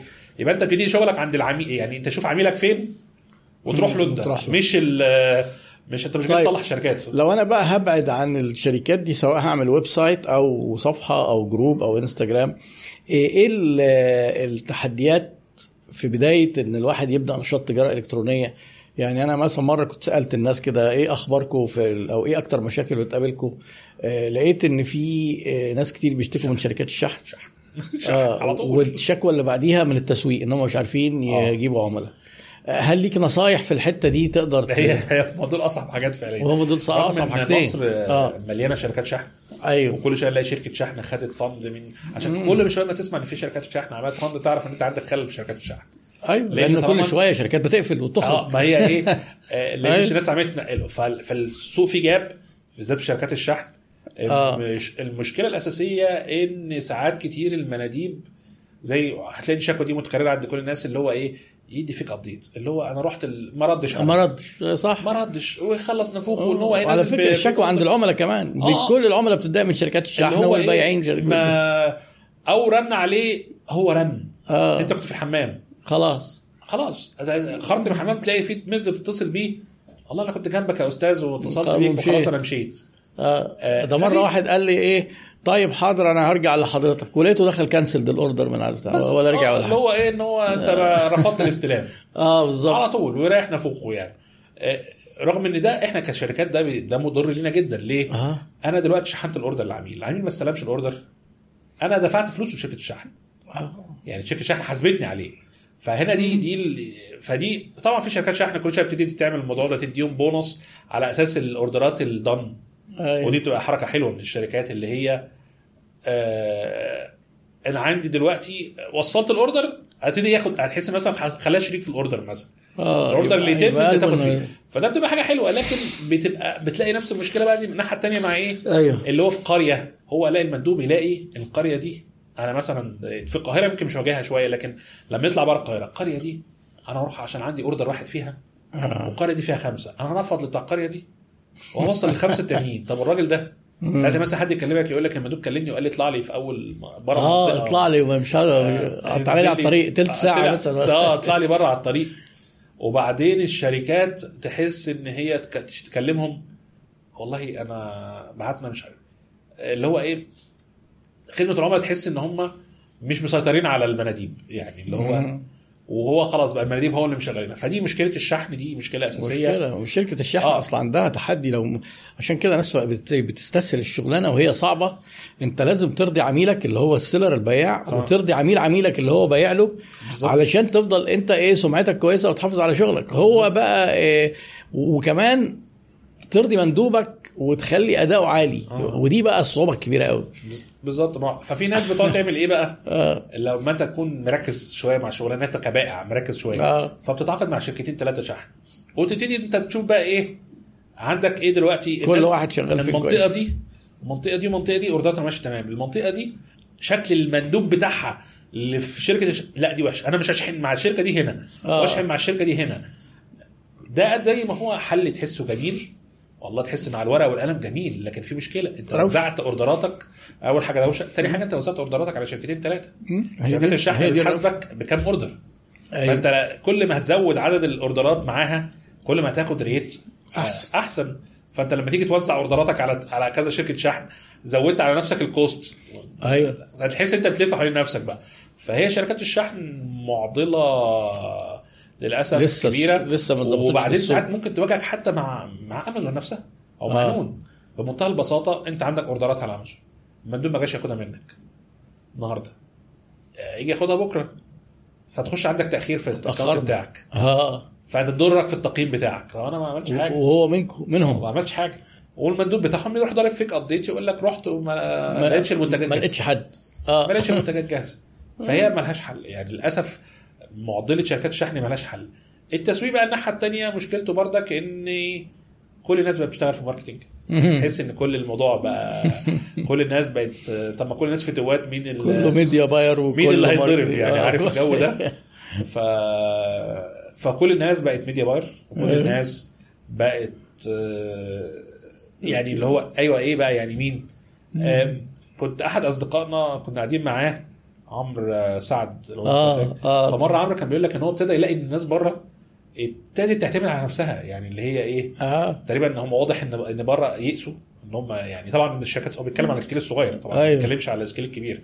لما هو كان في أمريكا بيقول لك إنه ابتدى يلاقي إن الناس ابتدوا يعتمدوا على نفسهم هم في التسويق. مم. اللي هو إن نظام إيه طب ما أنا هجيب شركة تسويق. خاصة إن إن إن كمية المش زي ما أنت قلت كل الناس بقى بيعملوها. آه. فبقت كمية ال- اللي هو أي حد يعني اللي هو إيه هنعمله مش عارف إيه خاصة إن الشركة طيب لو ما عملناش خلاص آه، هشوف شركة آه، هسيبها أشوف شركة تانية فالشركات شغالة بقت شغالة بنظام إيه عارف الميكانيكي اللي بيقبل اي حاجة كده هو آه، الناس مش مشكلة، الناس بتقعد تلف آه. آه هيجي لي زبون شهرين هيمشي يجي زبون تاني شهرين تاني، آه. يمشي فأنت تلاقي ساعات مثلا شركة تسويق تقول لهم ماشي هاتوا صفحتكم على الفيسبوك؟ هم الشركة نفسها. تلاقي صفحتهم على الفيسبوك فيها 200 واحد. حضرتك أنتوا مش عارفين تعملوا مفيش باب مش. باب النجار مخلع مفيش باب يعني- أصلا يعني. يعني- ليه كده؟ آه آه، فده بقى بيضغط على الشركات المحترمة في مجال التسويق. صح ف... كتير قوي. آه وان كان إيه طبعا بعضهم يجي يقول لك طب بص إحنا أول شهر مش هناخد رسوم. فيحسك إيه؟ بيوقف آه ده بيضحي. نوعا ما تخش. يعني يعني إيه آه. الموديل ده حلو إن هو بيطمنك إن أنت أول شهر هتجرب من غير ما تدفع غير سو- غير يعني فلوس ال- آه الإعلانات. مفيش risk. آه, آه يعني نوعا ما فيش risk. وده برضك ممكن يخليك تخش تجرب. الناس دي أكيد واثقة في نفسها. وإلا إيه ما كانتش يعني. مم. لكن آه، للأسف التسويق بيحتاج لأن إحنا أصلا مش آه، مش عارفين يعني هو إيه التسويق. يعني إحنا نعمل إعلان ولا نعمل خطة؟ يعني لأن الموضوع برضك معقد يعني. أيوه أيوه. الناس واخدين من التسويق بس حتة الإعلان. لكن طبعا هو الموضوع تفاصيله كتير قبل الإعلان وبعد الإعلان عشان media buying التسويق يعني بنعمل media buying بالنسبة لنا. لا لا هم بالنسبة يعني آه آه. اللي هو هو بس إن إحنا هنحط إعلان نعمل ال targeting وندوس ون- آه، آه. ميزانية ودوس يا باشا. أي مظبوط. طيب دلوقتي آه، طبعا أنت شغال في ال- ال- اللي هو آه، إيه mobile accessories ولا موبايل الكمبيوتر؟ كمبيوتر accessory آه موبايل وكمبيوتر اكسسوارز الحاجات دي طبعا كلها مستوردة. آه. أخبار الأسعار إيه بقى مع مع أسعار الدولار الفترة اللي آه فاتت؟ هي طبعا في تأثر كبير جدا لأن مم. أنت آه، أول حاجة إن المجالات ال accessory ودي ممكن برضك من الناس اللي هي بتفكر تخش في آه، إن هي عايزة تقول أبيع وأشتغل في الحاجات دي مم. لازم تفكر هي مع تأثر الأسعار الحاجة اللي أنت تشتغل فيها دي إيه هل حاجات إن الناس هتستغنى عنها بسهولة ولا آه ولا ما تستغناش عنها. بسهولة يعني أيوة. مثلا في مجالنا مثلا آه، قبل مثلا سنة ونص أو سنتين لو فرضت إن أنا هشتري ب 100000 جنيه keyboardات keyboardات بس مم. سلعة واحدة keyboardات آه، ممكن كان ساعتها يبقوا 60000 جنيه منهم keyboardات gaming و40000 keyboardات عادية آه. لو دلوقتي أنا هنزل أشتري بردك ب 100000 جنيه لا ال gaming ده هيبقى 20000 آه. لأن نوعا ما السوق رفاهية شوية يبتدي آه الرفاهيه شوية لكن الكمبيوتر الخاص بشغلك ما بقاش يعني هتجيبه عشان ده ما شغلك تقدرش تستغنى ف... بسهولة. فالناس فعلا دلوقتي مثلا بتفكر أنا أنا هخش أشتغل في ال X ده طيب إيه أخبار ال X ده مع ارتفاعات الأسعار لأن إحنا دلوقتي آه. سعر الصرف محدد طبعا ال- الرسمي ثابت لكن الغير. رسمي آه طبعا بيتحرك ما هو غير. رسمي لأن أنت ما بتقدرش توفره بالسعر آه الرسمي ومحدش عارف السعر هيوصل لإيه آه ولو إحنا رايحين لغاية فين والحاجات دي آه لكن ممكن نقول إن معظم الناس في السوق آه كانوا مسعرين على كان زمان كان على 38 وبعدين مم. على 40 وعلى 42 آه. طبعا على حسب بقى كل واحد ومجاله مم. فمثلا تعالى نفترض إن السوق مسعر على 42 مم. والسعر دلوقتي 43 مثلا مم. فيبتدي بقى هنا التجار بقى دي النقطة بقى المعضلة الصعبة تحس أنا بسميها ممكن تكون عض على الاصابع اللي هو إيه مم. كل تاجر حاطط إيده وبيقول آي يعني مين آه. هيقعد يقول آي الأول اللي هيتوجع الأول هيعمل إيه؟ هيروح يرفع الأسعار. عشان أنا دلوقتي ما هو مش ممكن يبيع على منتج هو بسعره على 42 وهيروح يشتريه ب 43 مثلا. أيوه. يبقى هو كده بيبيع بخسارة أصلا. صح. ف فهنا بقى إيه؟ يرفع يقول- سعر يرفع السعر. طب لو رفع السعر والسوق ما رفعش وبقية المنافسين ما رفعوش هيبيع قليل. هو هيبيع هيوقف أساسا هو مش هيبيع. آه، مش هيبيع. فاللي هيقول آي هيوقف بيع. طب وال والناحية الثانية أصلا إن أنت كل ما بترفع السعر حركة المبيعات بتتأثر. طب أنت إيه رأيك في اللي بيقول لك أنت المفروض اشتريت البضاعة بسعر قديم ليه ترفعها؟ ما أنت كده تبقى كسبان. جبت الحاجة أيام ما كان الدولار ب 30 ومخزنها. أنت مالك بقى إن الدولار دلوقتي بقى ب 42 يعني هو أنا السؤال ده تحديدا ياما ياما بنتسال ودايما بنرد عليه بقى ردود غريبه قوي. يعني أنا هو ممكن نشتم عادي على فكرة أصل آه. سؤال كفتة يعني. آه بالظبط. أنا أنا مره يعني أنا مرة قلت لواحد معلش آه. أنا هطلب منك حاجة. أنت شايف اللي آه، قلت له تمام. أنت شايف نكسب كام؟ 20% أيوه. مثلا؟ خلاص. أنا تبيع لي شقتك اللي أنت ساكن فيها ب 20% ما انت اشتريتها آه ما انت اشتريتها آه. انت كنت شاري أو أو عشان- ذهب مراتك تبيعه أو ب ذهب 20%. مراتك ت- أنت شاري من ذهب مراتك مثلا الجرام كنت شاريه ب 1000 جنيه دلوقتي الجرام ب 2000 ونص و 3000 جنيه آه. ليه تبيعه ب 2000 ونص و 3000 جنيه؟ ليه انت شاري الذهب ده ب مش 1000 حرام أيوه اللي انت شاريه ب 1000 النهارده. هتبيعه ب 2000 ونص صحيح. عشان ده سعره بتاع النهارده هو انت من الآخر طيب هو ال- التاجر وليه اللي معاه دولار اللي هو كان الدولار وقتها لما. معاه معاه الدولار من أيام ما كان ب 25 و 30 25 هيبيعه ليه النهارده ب 40 مثلا ليه؟ ده ظلم يا أخي. ما تبيعها ما, كفايه ب 27 بسبب- ومشي. نفسك. هي لأن هو أنت وبعدين أنت النهارده أنت بتبيع بإيه؟ بالسعر السوق مش بتبيع بالسعر اللي أنت شاري بيه. أيوة. الناس مدخلة السعر اللي أنت شاري بيه ده غلط في المعادلة. أبسط حاجة تعال نفترض إن في واحد النهارده مخزن آيفون 14 أو 13 آه. شايل كمية ومن يوم ما نزل كان قبل ما نزل ب 1000 دولار وشاري كمية. هل النهارده هيروح يقول لهم أنا هبيعه بردك ب 1000 دولار؟ أنا شاريه ب 1000 دولار اشتريه هبيعه ب 1100 لا آه. حضرتك هو خلاص ما هو ثمنه دلوقتي 700 دولار مثلا خلاص سعر السوق صح؟ ده سعر السوق. أيوه آه، طب سعر السوق زاد هزيد معاه سعر السوق آه. نزل بتنزل معاه أبسط مثال في الموبايلات يعني واحد مم. آه، لو إحنا جينا مثلا مثلا لو جينا قلنا أيام نزول أول ما نزل ايفون 15 Pro آه، Pro Max طبعا كلنا شفنا ال post 98888 ده اللي إحنا كلنا شفناه. طيب آه، هل هم مثلا كانوا شارينه ب 60000 لا طبعا بيبقوا شارينه من واحد آه، راح جابوا أول يوم نزوله فجابوا من واحد تاني ومش عارف مين فيكونوا أول يوم ده مثلا اشتروه ب 80000 مثلا طيب هو شاريه ب 80000 دلوقتي خلاص بقى التليفون موجود في المحلات كلها نزل. 70 وهم آه. ساعة ما شربت ما يعرفوش يبيعوه آه. هل يقولوا لا أنا شاريه 80 هعرضه ب ما- 85 ما هو- خلاص اعرضه في ده العرض ب براحتك- 85 براحتك، بقى يعني ما حد يشتري منك. أيوه ف أو في تذبذب الدولار ده واحد اشترى الدولار مثلا أيام ما كان ساي ب 40 وبعدين نزل بقى ب 38 وحصل. آه، يقول لك لا أنا أنا أنا هبيع دولاري أنا دولاري ب 40 دولاري آه لا دولاري هبيعه ب 41 آه، أنا 41. شاريه ب 40 هبيعه ب 41 أنا نظامي كده. آه طب الدولار بتاعك مختلف عن الدولار بتاعي؟ لا. أنت بتبيع بسعر السوق. أيوه. السوق طلع هتطلع معاه نزل هتنزل معاه. صح. يعني يعني تخيل مثلا بردك واحد مش هنقول بقى مثلا واحد دخل مثلا عنده بضاعة شاريها بسعر إكس جه حد تقيل جدا في السوق. آه، دخل كمية كبيرة هبد السعر بتاع المنتج ده حرقه في السوق. آه خلاص. انت لو خسرت. هو أبسط مثال انت لو دخلت محل وجه الراجل في المحل ده قال لك آه، تقول له مثلا التي شيرت ده بكام؟ فيقول لك ب 600 فيقول تقول له إيه يا عم ده محل جنبك ب 500 فالراجل طلع لك فاتورة الشراء بتاعته إن هو شاريه ب 550 هل انت ساعتها هتقبل تشتري منه ب 600 اهو. لا ما أنا شاريه ب ملوش 550 يا عم. آه، آه. أنا مالي أنا هشتري بالأرخص. بالظبط كده. اللي هو إيه فهي نفس الفكرة. انت طالما انت بتشتري بالأرخص أو بتشتري بالأغلى السوق ده سعر السوق بقى. ومفيش حد هو طبعا كلام منطقي بس هو سؤالي للط... يعني إيه عايز أوضح لبعض الناس آه. اللي هم غالبا ما عندهمش خلفية عن البيزنس أو لسه بالظبط. بيفكروا في جديد. ففاكرين ان لأن في بعض انتشر بوستات هبد.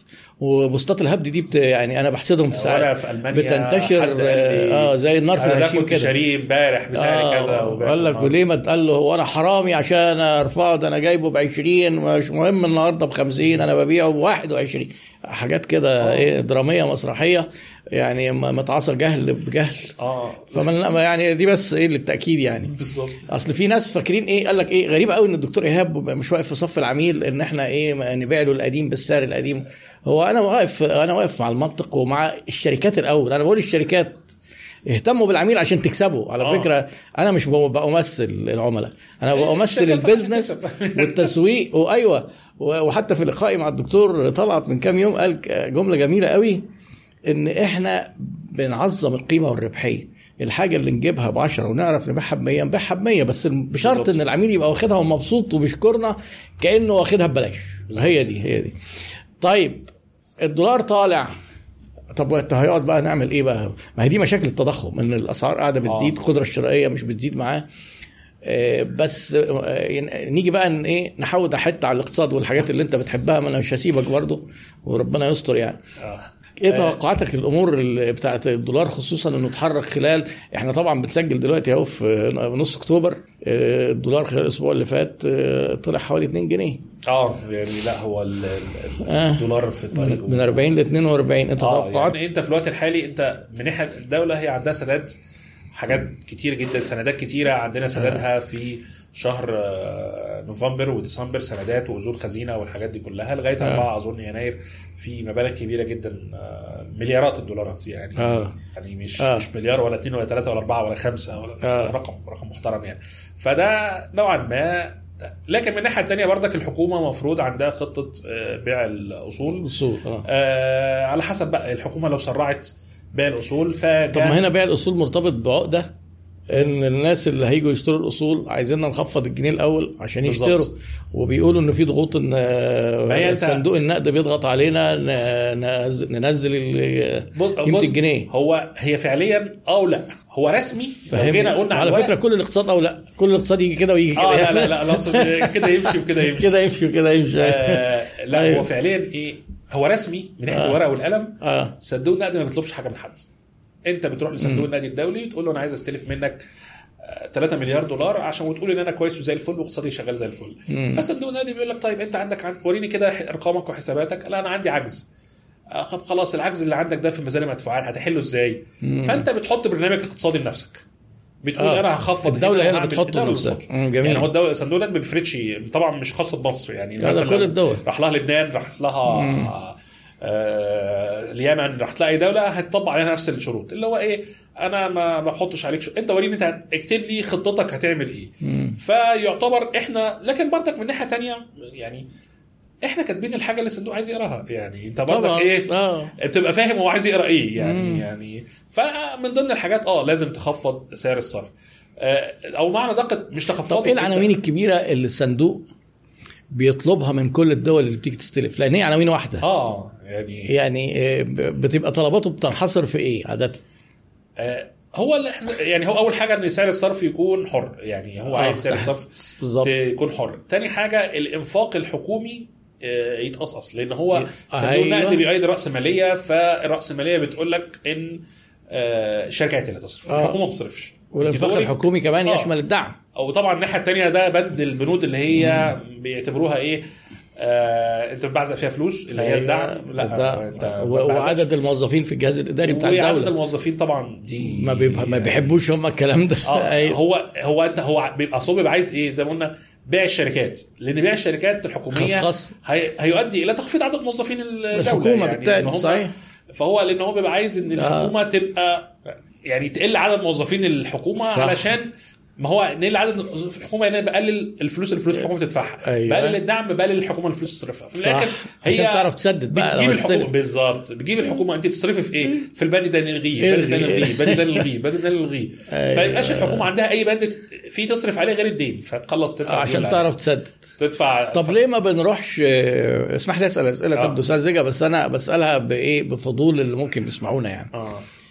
إيه اللي يخلينا نروح لصندوق النقد ونطلب منه 3 مليار ويقعدوا يقسطهم لنا؟ ده إحنا ممكن أي حد من حبايبنا يرش علينا 10 أو 15 مليار. آه هو دايما بيبقى دايما الدول لما بتروح للصندوق هي ما بتروحش الصندوق عشان تاخد منه فلوس. أيوه. الفلوس دي مجرد إيه يعني يعني آه يعني أبسط حاجة 3 مليار إيه اللي إحنا هناخدهم؟ إحنا مثلا هناخد في السنة قسطين هناخد في القسطين 750 مليون دولار تقريبا. آه. آه، قناة السويس بتدخل 10 أضعاف المبلغ ده في السنة.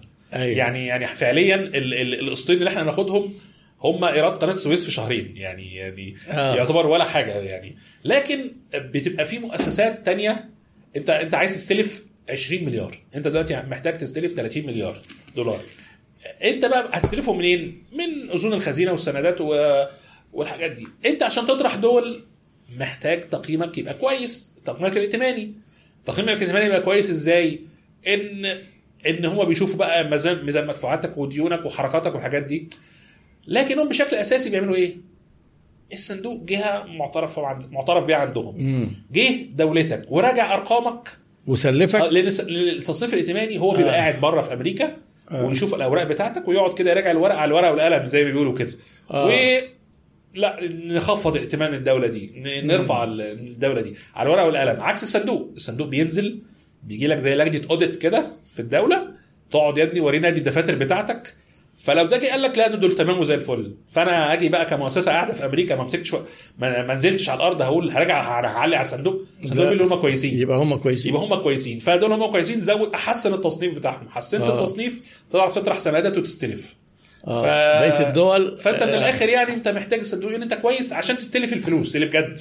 مش ال 300 مليون و500 مليون والأقساط دي اللي إحنا بناخدها لكن التصنيف الائتماني لما نزل آه، أو يعني لما بينزل أي دولة لمرحلة السي ده بيخلي آه، مشكلة إن الاقتراض بيبقى صعب وتكلفته عالية آه لأن هو وإحنا حتى لما مؤسسة واحدة من الثلاثه الكبار اللي نزلت لنا السي لسه في. اثنين آه، محافظين علينا في ال B يعني مم. ده يعتبر لكن آه، ده مؤشر يعني مم. من الثلاثه وطبعا الاثنين التانيين آه، هيحصلوها يعني مش هنضحك على. نفسنا لو إحنا. فضلنا آه، ما إحنا لأن إحنا still إيه ما ما عملناش مراجعة للصندوق لكن طبعا الحكومة. أعلنت إن آه، إن شاء الله نهاية السنة هيتم تحديد ميعاد مع الصندوق إن هو يجي ويعمل المراجعات كلها وإن إحنا ويراجع ويتأكد إن إحنا إيه. نفذنا الإجراءات أو هننفذ لسه الإجراءات اللي إحنا وعدنا بيها الصندوق ده تم خلاص ال- التانيين هيقولوا أنتوا كويسين وزي الفل و... ومش بعيد المودز تطلع لنا إيه ترفع لنا تاني التصنيف بتاعنا لل B بس. هياخد شوية مش هيطلع بين يوم وليلة يعني لكن. هياخد شوية إحنا ما نزلناش قبل كده إحنا نزلنا قبل كده مرة لل C أيام مودز أيام 2013 لما حصل إن مودز نزلت لنا التصنيف الائتماني ثلاث مرات في شهرين منهم مرتين في أسبوع فيعني ده أيام 2000 و- أوائل 2013 برضك ساعتها إحنا كنا آه، ساعتها كنا اتكلمنا مع الصندوق وإحنا هنعمل لكن أيام الرئيس الأسبق يعني آه، لما هو ساعتها طلع قالوا إن هو هيعمل وهنتعاقد مع الصندوق وطلع الناس قال لك لا بقى مش هنتعاقد مع الصندوق. فتقريبا يعني إيه آه، شدت ودان آه شدت ودن كده بسيطة. آه، يوم أول الأسبوع خفضوا التصنيف آخر الأسبوع خفضوه تاني. يعني آه. مرتين في أسبوع. اللي هو حضرتك إيه اللي حصل في أربع أيام؟ يعني إيه اللي- آه، إيه اللي إيه ممكن يكون؟ حصل في دولة في أربع أيام؟ يعني اتضربت بقنبله نووية مثلا. وبعدها بشهرين خفضوه تاني. ونزلنا ساعتها بنفس التصنيف ال C اللي إحنا C A ده اللي إحنا كنا فيه حاليا يعني. ف يعني لكن ده أقل تصنيف مصر جابته. يعني اللي هو ده بالنسبة لموديز يعني. في التاريخ. آه آه. يعني فده اللي إحنا عملناه قبل كده وجالنا تاني. ف هنطلع منه آه نطلع منه. مجرد انت بس آه، يعني تتحرك و- تتحرك هتبيع بعض الأصول والحاجات دي. انت مشكلتك الاساسيه ما تبقاش في بيع الأصول إن انت إن أنت بتبيع الأصول الحلوة. الأصول اللي هي بيجيب لك فلوس. ما هو محدش هيشتري حاجة خسرانة متدمرة بالظبط. انت فأنت هتبيع الأصل الحلو. الأصل الحلو ده اللي بيجيب لك فلوس دلوقتي بتساعدك في الموازنة في عجز الموازنة. فأنت لما تبيع الأصل الحلو ده العجز اللي عندك حاليا هيزيد بعد كده لأن أنت الفلوس اللي كانت بتجيلك. بطلت تجيب. زائد إن أنت دلوقتي الشركة دي أصبحت مملوكة لشركات خارجية آه. فمحتاجة تحول أرباحها. فبعد ما الفلوس دي كانت بتخش ال- تحول أرباح فهي فده عشان كده محتاج إصلاح اقتصادي وإن شاء الله يعني إيه يتعمل ويعني نبتدي هياخد قد إيه؟ الله أعلم. لكن هم أول ست شهور في السنة الجاية. هيبقوا صعبين. يعني هو ممكن هم يبقوا نزول لو الاصلاح الاقتصادي حتى معمول شغال كويس. يعني آه، الناس فاكرة برضك إن إحنا لو إحنا بدأنا إصلاح اقتصادي كويس بكرة أنا نفترض إن بكرة آه، ما قالوا لا مش بكرة خلينا يعني نقول قالوا من يوم 1 11 هنبتدي إجراءات جبت أحسن خبراء اقتصاد في العالم. آه. أنت لازم تنزل. يعني هي لازم. النزول تنزل لا، وبعدين إيه. بتعمل كيرف كده وبتبتدي تطلع تاني. فعشان يعني الشخص بياخد وقت. طبعا. للأسف هو يعني, يعني للأسف الفترة بتبقى صعبة شوية لكن هتصلح يعني إن شاء الله يعني. طيب. آه، أنا برضو هنوصل لفين؟ مع بصراحة. طبعا هو أنا دايما حتى أسئلة التوقعات والحاجات اللي زي دي ما بحبش أجاوب عليها ولا بحب أقراها إلا من باب يعني إيه نوع من أنواع التحليلات اللي تقدر ممكن تطلع منها بإنسايتس لأن ما فيش توقعات بتبقى مؤكدة 100% خاصة التح- التوقعات أصلا بتبقى مبنية في ساعات ناس بتيجي تقول لك إيه تيجي ساعات ناس يقول لي أنت من تسع شهور قلت كذا. دلوقتي ده مش صحيح. أقول له حضرتك المعطيات أنت بتقول بناء على معطيات حالية. آه. يعني إحنا مثلا لو إحنا كنا بنتكلم على حاجة مثلا معطيات من أسبوعين مثلا قبل الوقت الحالي مثلا وقت العدوان مثلا على غزة يعني. فدلوقتي ده ممكن يكون يعمل تغيرات سياسية واقتصادية آه، تؤدي إلى تغيرات في المنطقة في المنطقة آه، تعرف منين؟ لو مثلا بكرة روسيا راحت اتصالحت مع أوكرانيا. آه، روسيا وأوكرانيا بيمثلوا حوالي 25 30% ممكن يوصلوا ساعات 40% عدد السياح اللي بيجوا مصر. فروسيا عليها شوية عقوبات. متأثرين بشكل مباشر. آه عليها شوية عقوبات. آه، في استخدام الدولار فمش عاملة شوية عقبة شوية قدام السياحة الروسية مم. لسه السياحة الروسية كبيرة طبعا في مصر وكل حاجة لكن في شوية طب اتصالحوا بكرة والعقوبات دي اتشالت فالسياحة الروسية تيجي أكتر فانت فأنت بند السياحة عندك هيزيد وبند السياحة هيخلي الحسابات تختلف وبناء عليه التوقعات اللي أنت حاططها دلوقتي لازم تتغير فهي الناس دايما بتفتكر إن هو هو مش يعني هو في معطيات حاليا آه. بتبني عليها بكره واحدة منهم اتغيرت؟ يبقى الكلام ده يتغير ما ينفعش يعني. أنتوا اول امبارح قلنا كذا مش. منجمين هي يعني. مش فيزياء آه. يعني, يعني هي مش صحيح. مش آه، عارف مية H2O من من 1000 10000 سنة المية H2O بكرة المية اتش اسمها اتش 2 أو مش هنغيرها يعني لا طيب آه، هل انت اهتمامك بالاقتصاد كان علشان مثلا تأثيره على ال business لأن أنا ملاحظ إن انت اهتمام يعني انت ما بتكتبش عن التجارة الإلكترونية وال business قد ما بتكتب على الاقتصاد وواضح إن أنت مهتم بيه اهتمام يعني يضاهي اهتمام المتخصصين وليك تحليلات ظريفة جدا باين إن أنت عندك مطلع وبتعمل تحليلات ومتابع دوريات ومؤشرات فيعني إيه العلاقة؟ لا هو هي جت صدفة يعني هي جت صدفة آه. أنا أصلا في يعني لو حد متابعني من سنين كنت زمان قوي بكتب في التكنولوجي أيوة. أصلا أنا شغل القديم كنت بشتغل في قلت لك شركة تكنولوجية بتابع موقع آه، technology بتعمل فكنت بكتب في آبل. والاندرويد ونقعد نرازي أنا مثلا. بحب آبل رغم تليفوني الشخصي اللي في جيبي أندرويد, أندرويد. يعني بس إيه آه. أنا بحب آبل لكن أسعار أجهزتها بقت يعني أو آه، هي مش هي أسعار. أجهزتها إحنا اللي أسعار اجهزتها إحنا اللي- يعني اسعار دولاراتنا دولاراتنا إحنا اللي تعبانة شوية أي. فأخد أكتب بقى ورازم وبعدين إيه وبرضك إيه بحب أكتب في التاريخ. والإقتصاد كنت بحبه كهواية يعني بشكل شخصي يعني. بحبه من صغري كده إيه بحب أقرأ أرقام وبتاع فبدأت ألاقي الناس لا هي عايزاك تكتب هنا عارف المخرجين هم اللي زنقوني في أدوار الشر. اللي هو حرفيا. فبدأت الناس ت- تسالني هنا. فبدأت إيه عايز ممكن أذاكر بقى اللي هو إيه يعني أنا مش مش بتاع اقتصاد يعني, يعني أنا ما دخلتش كلية اقتصاد. دخلت كلية علوم آه بعيد ف- خالص إحنا كنا بنلبس بلطو ونقف في معمل أيوة، يعني أيوة، مش أيوة. أبعد ما يكون خالص ده نوع تاني. من العلوم اللي هي العلوم آه. الطبيعية غير بالظبط. العلوم الإنسانية حاجة تانية خالص ابتدي أذاكر اللي أنا يعني هو يعني ودي من الأخطاء ال- يعني هو أنا مبسوط بيها لكن إيه الناس بتعتبر أي حد كتب لها معلومة هي ما تعرفهاش إن هو خبير يعني ها. صراحة يعني أيوه آه فإيه أنا يعني أنا لو قلت أنا بكتب أعمل إيه أنا بعرف إيه مشكلة الاقتصاديين في مش عارف بقى خلينا في مصر ماليش دعوة بخلي العالم يعني. آه. إن هم بيكتبوا المقالات الاقتصادية للاقتصاديين زيهم. أيوه صحيح. فاللي هو آه أيوه اللي أنت قايلينه ده العالم كله أغلبهم كده. اللي هو تقرأ البتاع حضرتك أنت مش كاتبه أنت مش كاتبه لنا طب أنت آه. ناشره ليه في الجورنال؟ ما تبعتها لهم في الواتساب. الاقتصاديين اللي أنت أيوة. كاتب لهم أنت في خمسة أصحابك أنت كاتب لهم المقال ده. طب ما تبعتهم لهم. أيوه ده أنا منزله ليه في جورنال. فالناس ما بتبقاش فاهمة. فأنا كنت بعمل إيه؟ أقعد أقرأ الحاجة دي وأدور معناها إيه؟ وإيه؟ ابسطها للناس وتشرحها واشرحها للناس جميل. فالناس بقت أنت اللي يا عم مش أنا اللي مخترع الكلام ده والله يعني آه. يعني أنا الراجل ده مجرد بيقول كلام آه، عظيم آه، قريت جدا قريت مثلا مق... يعني في مثلا موضوع معين رحت داخل مدور في ألاقي ثلاث أربع مقالات أجنبية مثلا أو عربية مكتوبين آه. أقراهم آه قصدهم يقولوا كذا يعني آه، أيوة. يا جدعان بالبلدي. الناس بتقول قصدهم يقولوا كذا بالبلدي فالناس تقول يا ده جات لك الفكرة دي إزاي؟ لا آه. أنا سهلت لكم اللي هم الكلام الملعبك المكتوب يعني. أيوه. فلأن هو هو مش في الاقتصاد بس هتحس مثلا بردك بتوع آه، أي مجال هتلاقي هم بيكتبوا لنفسهم.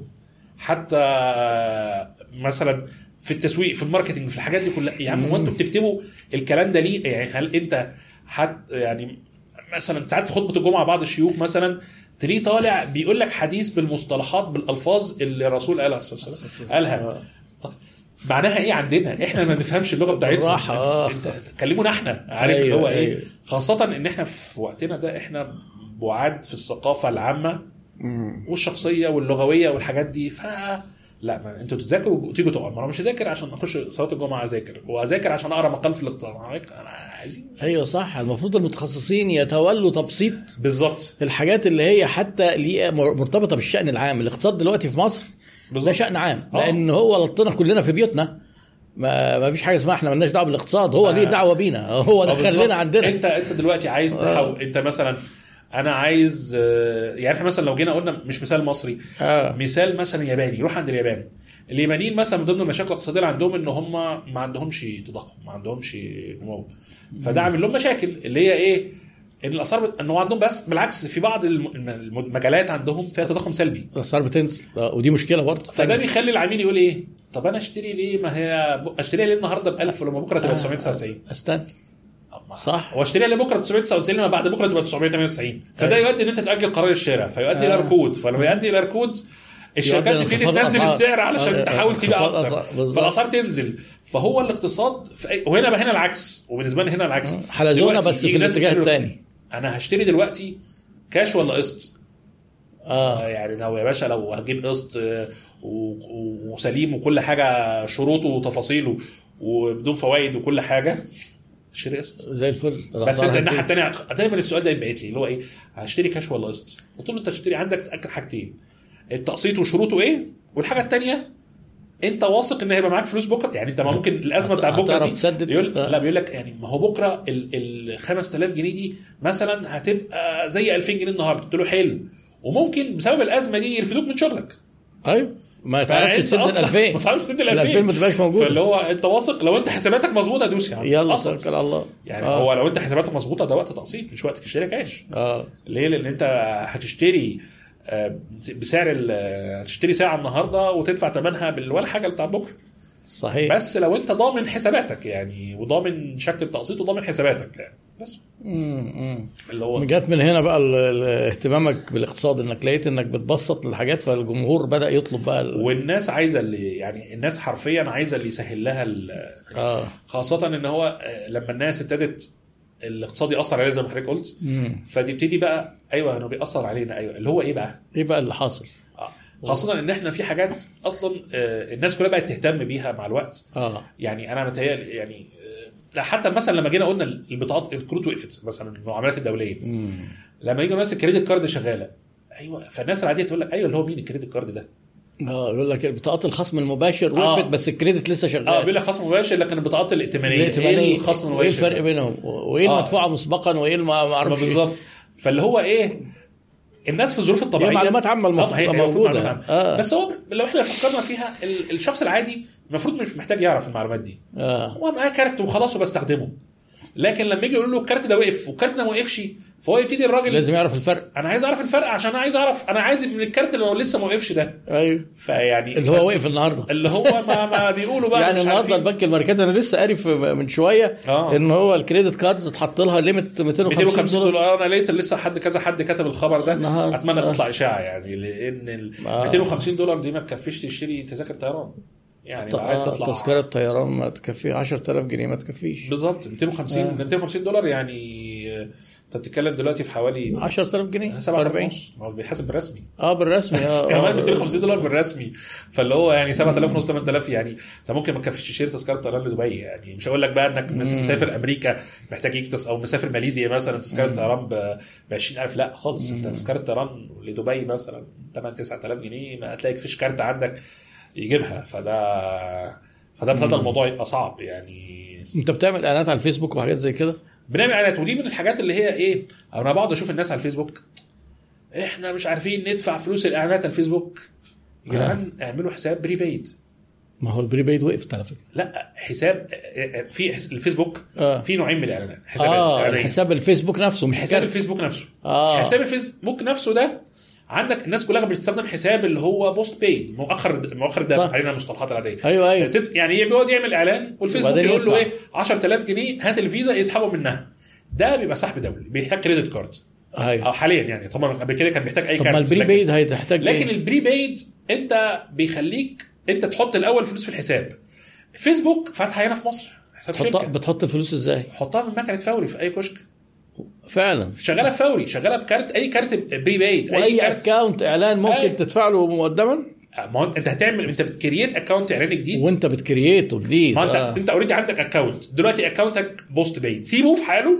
اعمل وروح اعمل. account إعلاني تاني اختار ان هو يبقى prepaid. لازم account فيسبوك تاني؟ ولا على لا لا account فيسبوك عادي بتاعك هو, هو بتاعك. نفس ال account. بس انت بتغير account اعلاني آه account إعلاني من جوه ال account فيسبوك آه وتختار ان هو prepaid. وتبتدي بقى أنت إيه تدفع ادفعه بكارت آه، تيلدا بكارت كليفر بكارت اللي كروت ال prepaid دي أوباي آه خد رقم فوري. دفع. آه. وانزل انزل عند الكشك بتاع فوري وادفع في. الكشك اديله 5000 جنيه ويحطها لك في ال- في حسابك. في حسابك بتاع دي. شغالة. شغالة آه شغالة دي شغالة حاليا آه. بس هي الناس انت عارف هو كانت اصل انت لما بتخش على الفيسبوك تبتدي تعمل إعلان فاكر إحنا قلنا كل الناس اشتغلت في الفيسبوك كل الناس عملت إعلانات الناس بتخش وتقول أنا عايزة إعلان يقول لك هات. الكارت خد الكارت فيعملوا account اللي هو آه. العادي اللي هو ال postpaid آه. آه. لكن الناس ما قريتش إن في account prepaid نفس الفكرة مثلا لما الفيسبوك طلع قال لك إيه آه، هنحط 14% قيمة مضافة الفيسبوك وجوجل والحاجات دي كلها أيوه قال لك من الناحية الثانية قال لك ده لو انت ما حطيتش رقم التسجيل الضريبي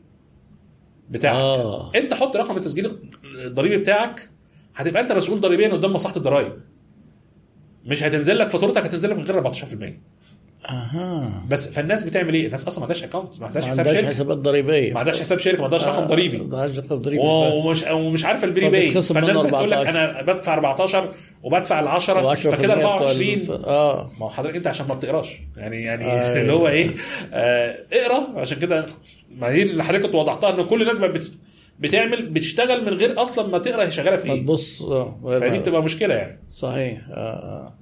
آه. طيب دلوقتي آه، سؤال يمكن إيه نغير الموضوع شوية بس بمناسبة إن إحنا في آه، أو مع- عدينا نص أكتوبر والشهر الجاي ال Black Friday Black Friday آه آه دي طبعا بتبقى الموسم بتاع ال- ال e-commerce والشغل الأونلاين وحتى بدأ مؤخرا يبقى حتى المحلات اللي في الشارع عادي والمحلات آه. بتعمل عروض وخصومات. وكده أنت مستعد عندك في في الشغل ال- لل Black Friday سواء بقى شغلك أو على 11 أمازون أو كده بيبقى أصلا عروض كله أنت عروض، آه. من أول 11 اللي هو يوم 11 11 Single Day آه بتاع الصين وده ده. بتوع الصين لكن هم الصينيين نشروه في العالم كله أيوه وبعدين آخر الشهر Black Friday هو أيوة. السنة دي أنا من السنوات اللي هي بتبقى أنت مش عارف المفروض هتعمل إيه ليه لأن مع ارتفاع سعر الدولار طب. ما أنا محتاج أرفع الأسعار ولا هنعمل محتاج أنزل. وأنزل أسعار فالموضوع آه. آه. صعب اللي أنا متوقعه السنة دي إن المواقع الكبيره زي امازون ونون آه هيبقوا هيبقى في حرب تقسيط السنة دي. لأن عارفين حاجة أنا عارفين إن آه. الناس آه ما بقاش معاها فلوس تشتري. آه. فلما أنا هدي أوفرات للناس والبنوك دلوقتي عندها كم من الفلوس؟ ضخم. أيوه. آه، بسبب الفايدة المرتفعه بتخلي البنوك معاها فلوس. فالبنوك دلوقتي عايزة تشجع الناس اللي هي عايز إيه؟ البنوك عايزة تشغل الفلوس عايزة تشغل الفلوس. وبالمرة وفي نفس الوقت المواقع. عايزة تشجع الناس تشتري. فهي المصلحتين اتلاقوا فيعني توقعي السنة دي إن ممكن يكون ال Black Friday السنة دي برعاية شركات التقسيط. يعني أو سواء آه. بقى زي فاليو زي أمان آه، زي آه، طبعا كان مبقاش في تاني خلاص. لكن وناحية تانية كروت الفيزا والحاجات دي كلها يعني آه. هيحصل.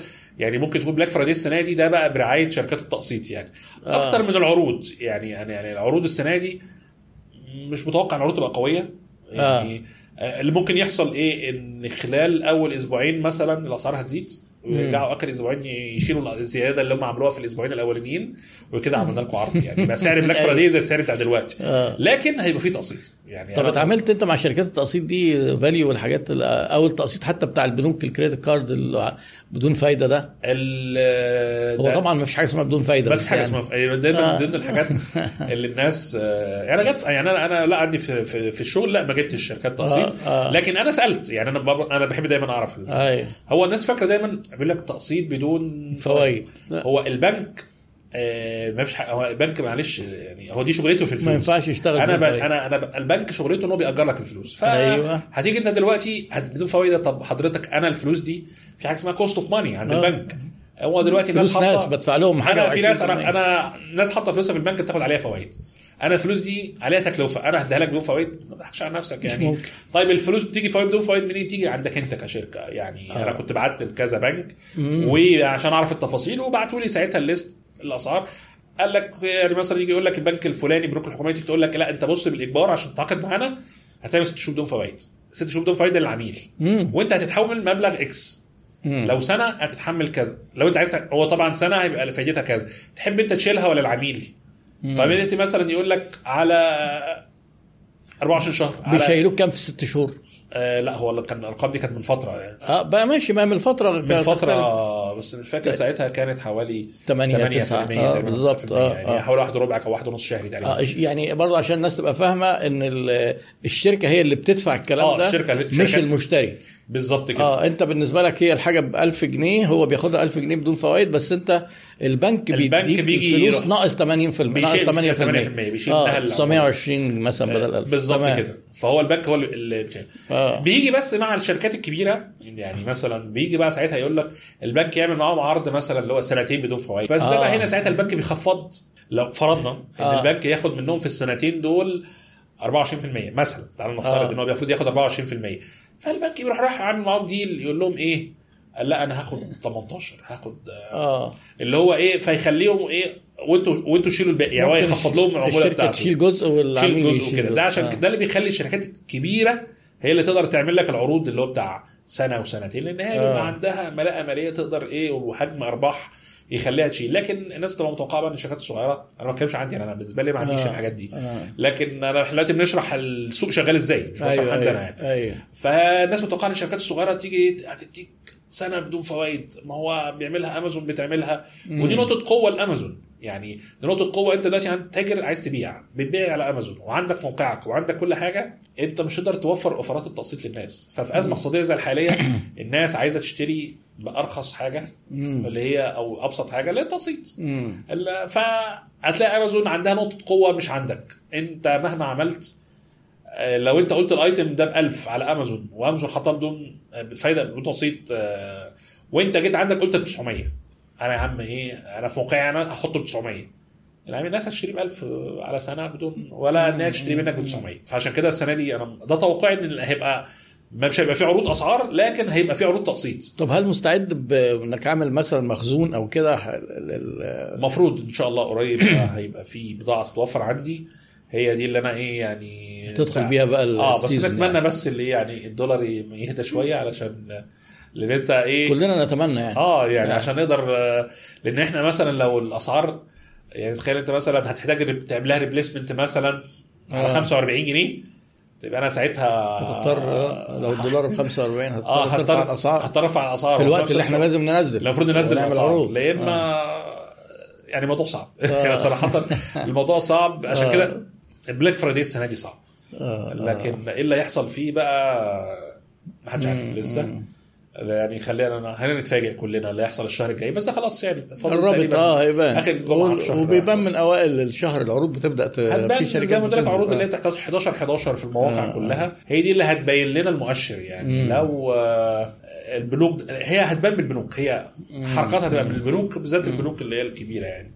ال big name زي ما بيقولوا يعني اللي هو الحكومية أو الخاصة الثلاثة الكبار الخاصة أو الاثنين الكبار الحكومية يعني يعني على العموم آه، أنا يعني بشكرك جدا على. المعلومات القيمة خصوصا في موضوع أمازون. ما أظنش إن حد يعني ناقش الموضوع بالتفصيل قوي كده. آه إحنا الناس أنا هتقول لنا أنتوا عاملين فيديو أمازون. يعني من كتر بجد اسمها آه يعني مش لكن هو- مش محتاجين مننا حاجة يعني. لكن آه يعني أنا مرة في احد كنت بكتب زمان أحد في شغلي القديم كنت بكتب في أبل. آه. فمرة أحد الأشخاص آه. عمل تعليق قال لك إيه آه منك لله يا بن سامي بقالك شهور عمال تتكلم على الآيفون ال- ال- الأسود وأنا آيفون ابيض آه شفت فهي بقى نفس الفكرة إن الناس اللي إحنا قلناه كله ده كان على أمازون هو هو على نون. آه. بس ممكن تختلف في بعض البند. البند ده مش موجود هنا. هي قواعد واحدة قريبة من هي بعض قواعد بس واحدة. آه. آه. إحنا بس بنقول أمازون ليه دايما علشان آه ك brand. ده brand ما ده branding وأكتر واحد brand أو بالظبط. وأكتر واحد عنده لوائح فانت إيه آه. يعني التانيين أبسط يعني وأكبر retailer في العالم وعمل حاجات كتير جدا كده. هو سابق فيها يعني بالظبط لكن كل اللي قلناه آه. بينطبق على الناس كلها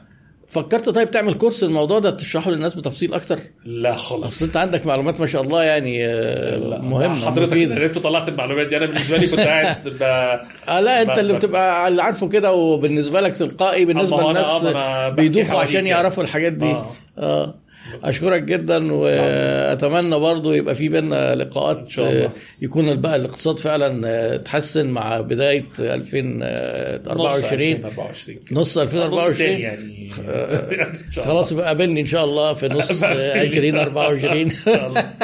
ونلتقي على خير. آه، شكرا لكم وإلى اللقاء في حلقة قادمة. والسلام عليكم ورحمة الله وبركاته.